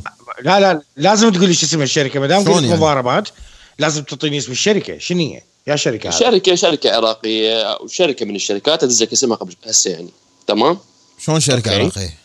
شركة عراقية انفتحت جديد تشتغل أنت- بنظام الأسهم ونظام ال- ال- الشغلات يعني والطب الطب تشتري. وتبيع وهاي تسوي هيجي؟ هي موجودة هسه شركة أصولية بالبورصه بورصه أوقف بالبورصة الأمريكية؟ والبورصه الأمريكية طبعا. لا لا تمام. لا لا, لا. أنس يا- أنس. اسمع اسمع إيش يصير بالعراق. اسمع. بس بس خليني أكمل دولة-. هاي دولة- أقسام. دولة هيتة يعني. لا لا آه، تفضل أصدقائي تفضل هاي خليه يكمل خليه يكمل. هاي هسه هاي قطعوها؟ قالوا شو اسمه؟ آه، مو شغلات بها automatic trading system يعني. مو شغله إلكترونية. اي أنت تبيع وتشتري. يعني أنت تبيع وتشتري. اللي هو مثل هسه شلون. عندنا تطبيق مال الروبن هود صحيح شلون تطبيقات هواي على منصة ال MT4 أو ال MT5 يعني أنت بس أنت قاعد. بالعراق صحيح وما صح. عندك social security ولا جنسيه أمريكية ولا أي شيء رحم الله والديك فهي تكون شركة شلون- شلون؟ between ناس يعني شلون؟ سام شلون هو مو؟ التداول هسه التداول عمي بالإمارات عفنا من العراق التداول عن طريق الب- لا اونلاين يعني ما بيها شيء. البورصة. الإماراتية. حبيبي مصطفى. انتبه جيدا انت الكلام اللي لي. قاعد تقوله هذا. هسه راح أوضح لك. أنا طبعا تمام. وضحت هذا الشيء بالشات بس راح أوضح لك إياه مرة أخرى. طبعا شكرا لك. عزيزي، مصطفى خلينا نحكي عن هذا الموضوع. تي- إحنا راح نحكي عن هذا الموضوع. شكرا لك تمام. مصطفى. تحياتنا لك مصطفى شوف شوف أنس أنت يعني طبعا أنا كلش أشكر يعني مصطفى على يعني على شجاعته إنه قال لنا على هذا الموضوع طبعا مصطفى صديق تعرف إيش قد راح. يكشف هذا الموضوع؟ إيش قد راح إيه. يكشف؟ شوف عزيزي مصطفى وكل واحد يشتغل بمنصة موجود على, على اعتبار إنه أكو شركة بالنص يسموها شركة وسيطة تقدر تشتغل بها من العراق بأسهم أمريكية، لا وجود لهيك شركة ماكو ممنوع منعا باتا. أي واحد وسووا وحدة بالكويت وسدوها الكويت. طبعا سدوها. شنو سدوها؟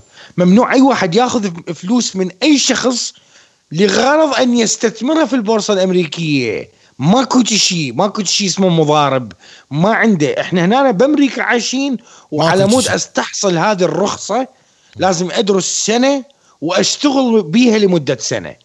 على مود أست... ولازم الشغل كله هنا بأمريكا مو بالعراق بأمريكا. الفلوس تاخذها من ناس بأمريكا عندهم social security إذا أريد أفتح وهذا المشروع اللي قلت لكم عليه من البداية إذا أريد أفتح الشركة هذه على مود أستلم استثمار من العراق يعني خابرني مثلا مصطفى يقول لي سام أنا عندي 10000 دولار أريد أستثمرها. فاني إذا عندي ال broker account الحساب المضارب اللي موجود في الولايات المتحدة الأمريكية ومسوي شركة اسمها investment company لأن عندي license بيها يسمحوا لي إنه الناس يحولون فلوس للشركة مالتي يشترون أسهم بيها مو هم يضاربون. مو هم. يضاربون مو هو قاعد بالعراق هو بس يدز لك فلوس يقول لك أنت اشتري لي بيها بالضبط. انت تشتري بيها أنا أشتري لك بيها. مو إنه أنت تقدر. أي شخص يقول لك إنه أنت تختار اسم السهم وإحنا نشتري لك إياه وهذا كلها أفلام. هذه أفلام كرتونية وأتمنى كل الناس إنه يعني تصحى على هذا الموضوع. نهلة دزت لنا تعليق تقول هاي مثل شغلة ال 400 دولار بالشهر آه، مال لحوم الساحة الساحة وخل الرشا. هاي ما ما أدري بها القصة أنا ما أعرف فيها ما أعرف شنو هذه. اي ما أعرف ظاهر شيء أنت وحدة س... خلينا نرجع على هاي. هاي طبعا تعرف كلش ممتازة إنه لازم نحذر الناس. بالتسعينات الناس خسروا فلوسهم آه، الهاي لحوم. الساحه وخل الرشا سامكو سامكو همينه سامكو الناس خسرت هواي فلوس من ورا سامكو. أه... وياي إنس؟ إيه. أوكي. وياك وياك.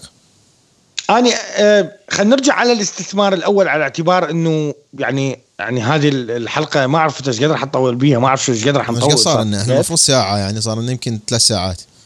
واو. واو. أوكي. صار لنا بالضبط. ساعة و22 دقيقة. خلينا نحكي بعد 10 دقائق. لأنه إحنا. قلنا بقى إحنا من البداية قلنا رادنا أقل شيء خمس حلقات. أوكي أوكي. مو مشكلة. أنا مو مشكلة. أنا حاضر حاضر.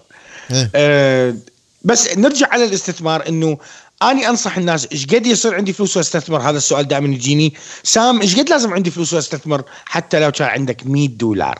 لكن أكو طريقة بالاستثمار وهنا أنا قاعد أحكي للناس الموجودين في داخل الولايات المتحدة وما عندهم استثمار في البداية وعنده منصة اللي هي آه، منصة آه، آه، مثل روبن هود وداخل بيها. تقدر كل شهر تجمع 25 دولار تذبها بالحساب مالتك.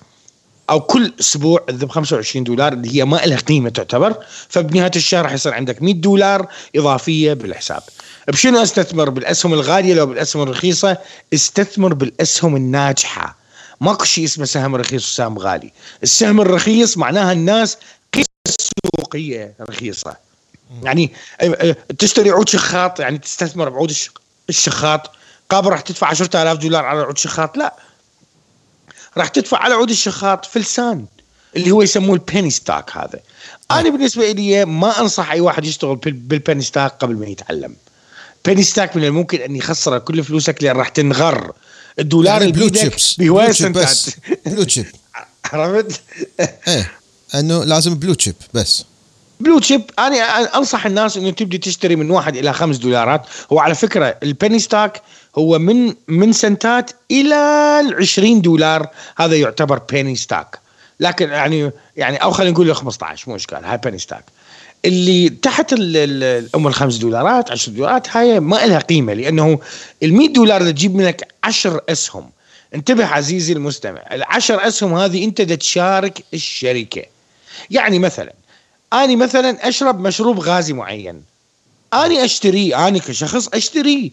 من تروح تستثمر استثمر بهاي الشركة حبيبي مو انت أول المستهلكين انت أول المستهلكين تعرف إنه المشروب الغازي الفلاني انت دا تشتريه ودا تشتري صناديق وكميات وتعطي لأصدقائك وبالأفراح وبالاتراح توزعها. إذا تروح تشتري لك السهم هذا اللي تستثمر به بعدين أكو أشياء بالأسهم يسموها الفائدة من الأسهم. أكو أسهم تطرح فوائد وارباح هاي الأسهم طبعا موجودة وتقدرون كذلك تستثمرون بها لكن لازم تستثمر على المدى البعيد. يعني هم أنت شلون ينطوك أرباح بالأسهم؟ وعادة الأرباح اسمع النسبة. إيه. ال maximum اللي توصل به الربح بالسهم هذا هو 7% maximum. maximum maximum يعني اللي ينطيك فوق السبعة بالمية. هاي الشركة مشكوك بأمرها. يعني سبعة بالمية. أكو شيء خلل يعني.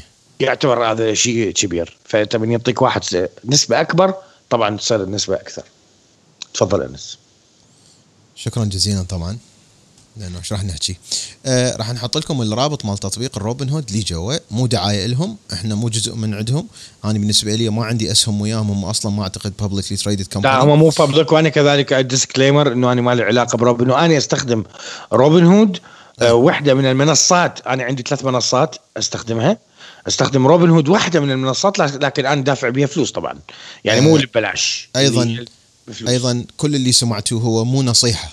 يعني أنتم لازم تروحون تسوون ال research مالتكم وتسوون البحث مالتكم وبهذا البحث أنه أنتم تعرفون شنو اللي تسووا تتعلمون يعني لا تاخذون من عندنا. إحنا بس نريد نعطيكم الكلمات الرئيسية اللي تدفعكم على انه تروحون تتعلمون لأنه لازم بعينك تقرأ وتتعلم إلا إذا سام قرر مثلا أنه ياخذ license ويسوي لنا دورات خطوة خطوة أنه هيك يسوي هيك يسوي هيك يسوي هيك يسوي هيك يسوي. أنا حقيقة أنا platform. دار أسوي شغلة وأنا قلت لك بها قبل البث. إيه، قل لي. أنا دار أسوي قناة آه، قناة يعني ممكن إحنا نشترك بيها. آه، أسوي قناة لكن بيها اشتراك. يعني لأنه حتى على تصير private، تعبر. تعبر القوانين مال إنه أنت تحكي بابليكلي بالضبط. ف نفس الشيء أنا بالضبط، أنا القناة- عندي- عندي أنا أشوف مشاكل ما الشخص. اللي يريد يستثمر اللي يريد يستثمر وعنده استعداد للاستثمار وإذا يريد يسمع معلومة حقيقية عن الاستثمار فما عنده ضير إنه يشترك بقناة يدفع اشتراك شهري أو اشتراك سنوي. يسمع المعلومات مالتها يوم اللي ما يعجبك يشيل الاشتراك وانتهى الموضوع. سؤال أخير. حلو هاي لازم نحكي بيها ونسوي فد إعلان عنها ورا ما تصير. هاي راد لها تعاون لأن أنا حكيت مع بعض ال- آه، آه، الأصدقاء ال YouTubers. قبل ما نفتح ال- ال- البودكاست وقال لي أنس اني أريد أعلم الناس عن ال graphic design وهاي وشلون وهم أنا أريد أسوي اشتراكات فلازم نحل هاي المشكلة. سام اللي بالعراق الطريقة. الرسمية إنه يشتري ويبيع أسهم. المفروض عن طريق البورصة العراقية صح؟ لو غلطان آه، طبعا لأنه إحنا ما عندنا بورصة عراقية للأسف. عندنا عندنا سوق للاوراق المالية فقط في العراق وما مربوط للأسف بسوق الأوراق المالية في أي مكان في العالم للأسف. مثل كل شيء. طبعا يعني يعني انت لا تنسى انت مو كل الأسواق العالمية مربوطة في- بأمريكا. خلي أقول لك شنو اهم الأسواق العالمية اللي موجودة وهاي المعلومه إيه. عندك مثلا أنت عندك بورصة ناسداك اللي هو سهم الشركات التكنولوجيا المجمع. وعندك داو جونز وعندك S&P 500 500. وعندك ال Y Y N C اللي هو بورصة النفط الخاصة بالولايات المتحدة الأمريكية. إيه. عندك في فرنسا المؤشر مالتهم اسمه كاك كاك الفرنسي. آه عندك داك الألماني عندك بورصة طوكيو عندك بورصة بكين. وعندك بورصة شنغهاي. نعم؟ اي اليابان وشنغهاي والصين بوحدها. بالضبط. يعني بورصة بكين بورصة شنغهاي وعندك بورصة طوكيو.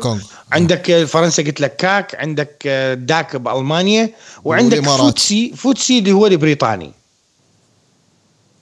هذول أهم الأسواق العالمية. طبعا أكو هواية أسواق ثانيات بس هذني أهم الأسواق العالمية. أي واحد يريد يدخل في آه، عالم البورصة وعالم الاستثمار لازم يسمع أخبار اقتصادية. لازم.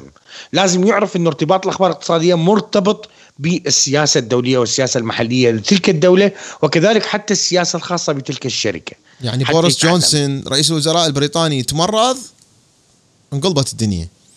طبعا أكيد. إيه. بس راح يأثر على الاستثمار؟ نو عادي آه، رئيس وزراء مو. مشكله إيه، إيه. لكن لو مثلا الفيروس مثلا صاب الملكة لا. إيه.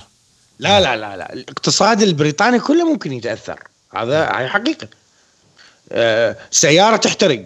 سيارة تحترق مثلا من إنتاج تسلا. تسلا, أثر على سعر الشركة جدا جدا جدا. نرجع على السؤال زين بالعراق شو يسوي؟ يعني شو نقول؟ بس نقول لهم نقول لهم بطلوا؟ لو لا، استث... مو أكو. طريقة لازم نحكي بيها بحلقة ثانية. أكو شيء؟ أكو شيء؟ أكو أكو منصات منصات تقدر تستخدمها آه، بالعراق لكن لازم تكون حذر جدا لأن هاي المنصات مو لأنه هي مو زينة. لأن المنصات ما مفتوح بيها كل شيء فما تقدر تستخدم استخدامك آه، إلها كشخص بالعراق عايش استخدامك لها راح يكون محدود. بلس إنه أنت محتاج النصيحة لأنه سحب الفلوس من عندها راح يكون مشكلة لأنه هاي الشركات الحقيقية. الشركات الحقيقية التعامل مالتها ما يقدر يفتح لك كل الأسهم لأنه ما عنده اشتراك بكل الأسهم فأكو حزمة من الأسهم تقدر تست- تستثمر بيها. ومن الممكن إنه إحنا نسوي account بيها ونخلي الناس تسوي follow كذلك على هذا ال account. آه أنا أنتظر إنه أعتقد أنس إنه الأفضل إنه إحنا يصير عندنا هاي القناة الخاصة على مود نقدر نحكي براحتنا.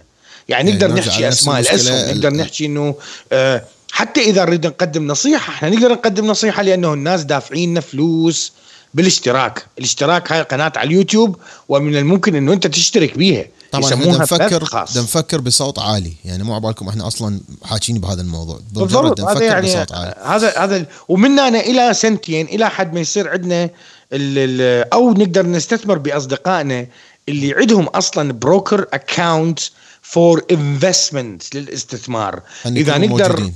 أنت تعرف أني هم حكيت وياك عن الموضوع بعدين نحكي ورا الحلقة. لكن إذا قدرنا نحصل شخص موجود من عندنا نكون عندنا ثقة بيه لازم عندنا ثقة بيه نقدر نسوي هاي الشركة خلال أشهر خلال أشهر ويمكن خلال الأيام الجاية إذا كانت الأوراق جاهزة عند هذا ال broker. آه، إذا سويناها راح نقدر نساعد بس طبعا راح تبقى إلى حد معين هي مسألة الثقة. يعني منو راح ي... أنس من تتخيل يعني مثلا يخابرني ويقول لي تدري ليش أنا أصلا ما أبد ما حكيت بهذا الموضوع سابقا؟ لنفس المشاكل اللي هي أنه أني أكو هواية ناس لأنه أحكي بالسياسة وأني محارب للإرهاب أعتبر نفسي ومحارب للأيديولوجية. وأنت همينة طبعا للأيديولوجية التي أنا محارب بس تكرجل أكاذب. انت محارب علني اني أنا من جوا لجوا إيه فهاي تؤدي إلى أنه هواي ناس يعني آه، أعداء من الممكن ان يأخذوها بغير نظرة تفتهم شلون؟ أتمنى لا أتمنى لا. لكن آه، آه، شوف أنا كثير من الناس اتصلوا علي شباب عراقيين وقالوا لي مثلا سام أنا عندي 6000 دولار أريد أعطيك إياها، واحد قال لي أنا عندي 20000 دولار أريد أعطيك إياها، واحد قال لي أنا عندي 2000 يعرفون دولار هي الطريقة. الوحيدة الطريقة الوحيدة أنا عندي أحد أصدقائي بالعراق مالتا مليونير يجي لهنا لأمريكا لا عنده social security يجي كزائر نعم. الفلوس مالته في شركة استثمارات هاي الشركة مال الاستثمارات هي تبيع له وتشتري له هو بالضبط. هو ما يختار ما هو يختار إحنا نختار بيهم. ماكو يختار وهو يبيع السهم ما أقدر إنه. أخذ من أحد أي مبلغ من المال لأن أنا راح أفوت لامريكا على أساس شنو؟ يعني أنت تعطيني فلوس شنو؟ هل هي هدية؟ هدية أنا ما راح أقبلها طبعا.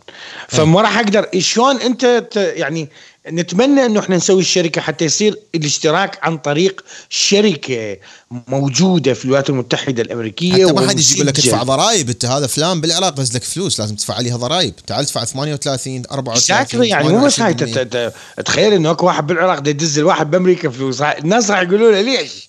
ليش لازم فلوس؟ واكو إشكالية بيها أكبر يعني أكبر من هذا أكبر من مجرد المبلغ. يعني أنت تحس إن المبلغ هو المبلغ أربعة إلى ستة أو عشرة وحتى إذا مئة ألف هو يعني هذا لا يعتبر مبلغ حقيقي للاستثمار لكن هو يعني كثير بالنسبة للعراقيين أنا أعرف. سام لكن العزيز. أتمنى إنه الناس تنتبه على هذا الموضوع. في يوم من الأيام أنا متأكد في يوم من أي. الأيام راح يكون عندنا آه، حلقة راح نبث بيها إنه إحنا عندنا آه، مكان طريقة خاص للعراقيين الاستثمار يقدرون. يستثمرون ذاك بيها. الوقت نقدر نستثمر أي. شكرا جزيلا سام اللي دا يسال بالتعليقات إنه وين حساب سام وشنو هي قناته وحدة قناته كل سهله بس مجرد تكتبون سرسري كارثه okay. والثانية هي اسمها First Evidence الدليل الأول. أيضا تقدرون تقدرون تكتبون First Evidence كاتب لكم اياها هنا أني على الشاشة. أو الدليل الأول بالعربي. سامي العزيز شكرا جزيلا. تحياتي لك النوسي مع السلامة. شكرا للمتابعين. باي باي. آه شكرا أحبائي لكم على متابعتكم. تعقيب بسيط قبل ما أطلع. آه آه صار من 2015 أنا موجود على الإنترنت وتصير عندي آه الكثير من ال- ال- الهجوم بسبب فشي قلته أكثر الأحيان أنه هذا الهجوم يجي من ناس موجودين آه، بالعراق أو موجودين خارج العراق وهم تابعين لأجندات إرهابية وتابعين إلى دول أخرى. آه، لأول مرة يصير عليه هجوم من من أمريكا ومن ناس موجودين في واشنطن يعني بالمكان اللي أنا عايش به. آه، يمكن لأنه أول البارحه أنا مثلا حكيت على آه، مكان معين دائرة معينة وهذا الشيء ضوجهم. على العموم آه، إحدى القنوات أو المنصات الإعلامية التي تبث من الولايات المتحدة الأمريكية للعراق تسوي تقرير عن التغريدة اللي أني نزلتها وما عجبتهم فاني سويت رد وهذا الرد راح أنزله على الانس على التويتر آه، الرد مالتي شنو رأيي على التغريدة اللي نزلتها؟ فالرد حنزله على تويتر ما أعرف هم من دزيت لهم اياه شنو هي الارتكل اللي يكتبوها؟ شنو اللي يكتبوه؟ شنو راح يكتبوه؟ أه حيحطون الرد مالتي كامل أو حيقطعوه؟ تعرفون يعني المنصات الإعلامية. فراح أنزله هسه أول ما أكمل على التويتر حيكون 19 تويتة برد واحد. ردت اسويه بصورة هيك شي بس قلت خاف يصير مثل مقرده وما أريد هيك يصير. كان وياكم أنس إبراهيم من العاصمة الأمريكية واشنطن دي سي. Stay curious my friends. كونوا فضوليين مثل البزونة بزونة فضولية. كل ما يزيد الفضول مالكم كل ما تتعلمون أكثر. أحبكم. كلش هواية. أريد أقرأ كم تعليق قبل ما أروح. أوكي؟ فعدنا ويانا سراء أكثر حلقة حسيت بفائدة بها عاشت إيدك النوسي. المفروض هو البرنامج هو هيجي ومحمد عزيز شكرا لكم استمتعنا وياكم وشكرا لكم شكرا حبيبي.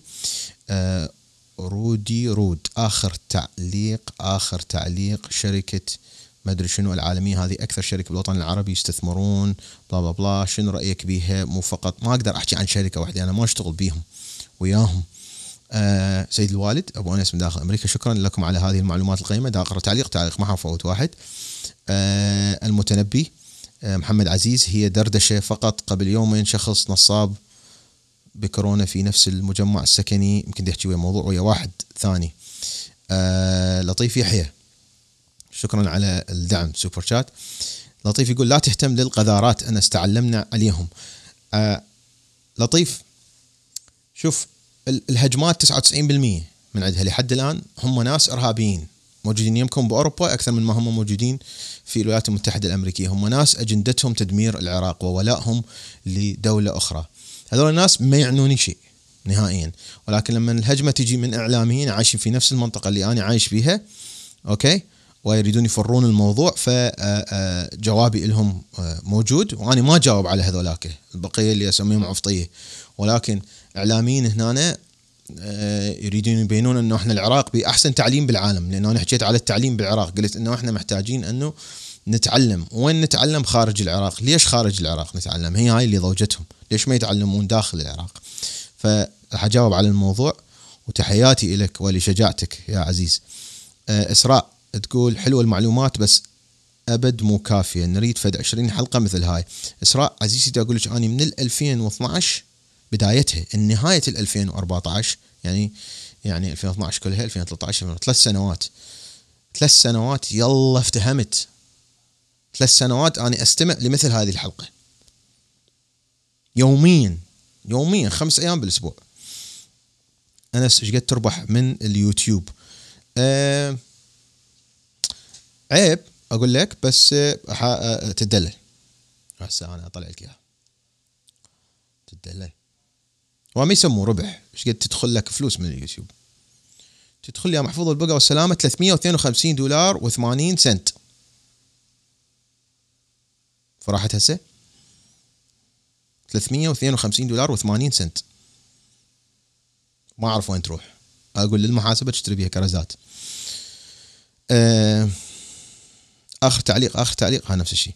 أنا إيش قد تربح من اليوتيوب؟ نفس الشيء. مام سعاد الغالية. تحياتنا سام. سن شنو هذا؟ هذا الأسماء القذرة ما اريد أقولها. انس إيش قد تربح من اليوتيوب. يابا شلبت شلبت شلبت آه قناة ال يعني. اي آه شكرا سام شكرا سام. أنا إيش قد تربح من اليوتيوب. سعد. أقرأ التعليقات شوف مالته وهذا هم آه. أوكي. ليش ما تقرأ التعليقات؟ بنقرا التعليقات. بنقرا التعليقات. أريد بس تعليق بخير. تعليق بخير. شكرا عليك. حبايب قلبي؟ أحبك يا بلادي. الله. أنا بحثت مدى ألقى شغلة استثمار الإمارات بقناة بنما. أوه. لا.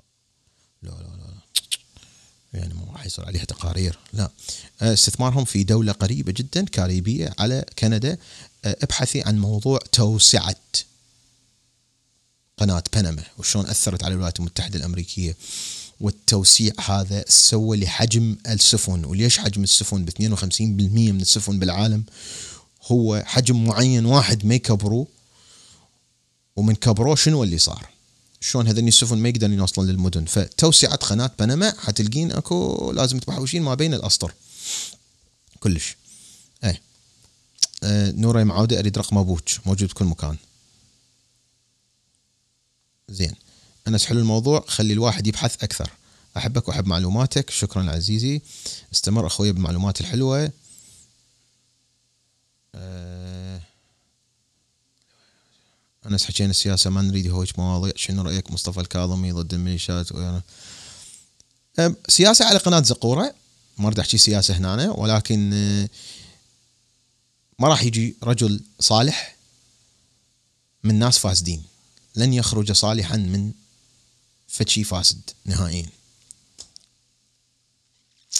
بعد بعد بعد هيك كلش كلش حنزل لي جوا تعليق. وشكرا على الحلقة اليوم. عاشت ايدكم وجهة نظري. أنت أكثر عراقي مثقف. باعوا لازم الواحد يقول أنا كل شيء ما أفتهم. ليش؟ سقراط قالنا لنا. أنت كل ما تفتهم؟ إلا تفتهم. فد شغلة واحدة إنه أنت كل شيء ما تفتهم. لأنه ما راح تبدي تفتهم. إلا تقول اني كل شيء ما أفتهم. فاني كل شيء ما أفتهم. مع السلامة.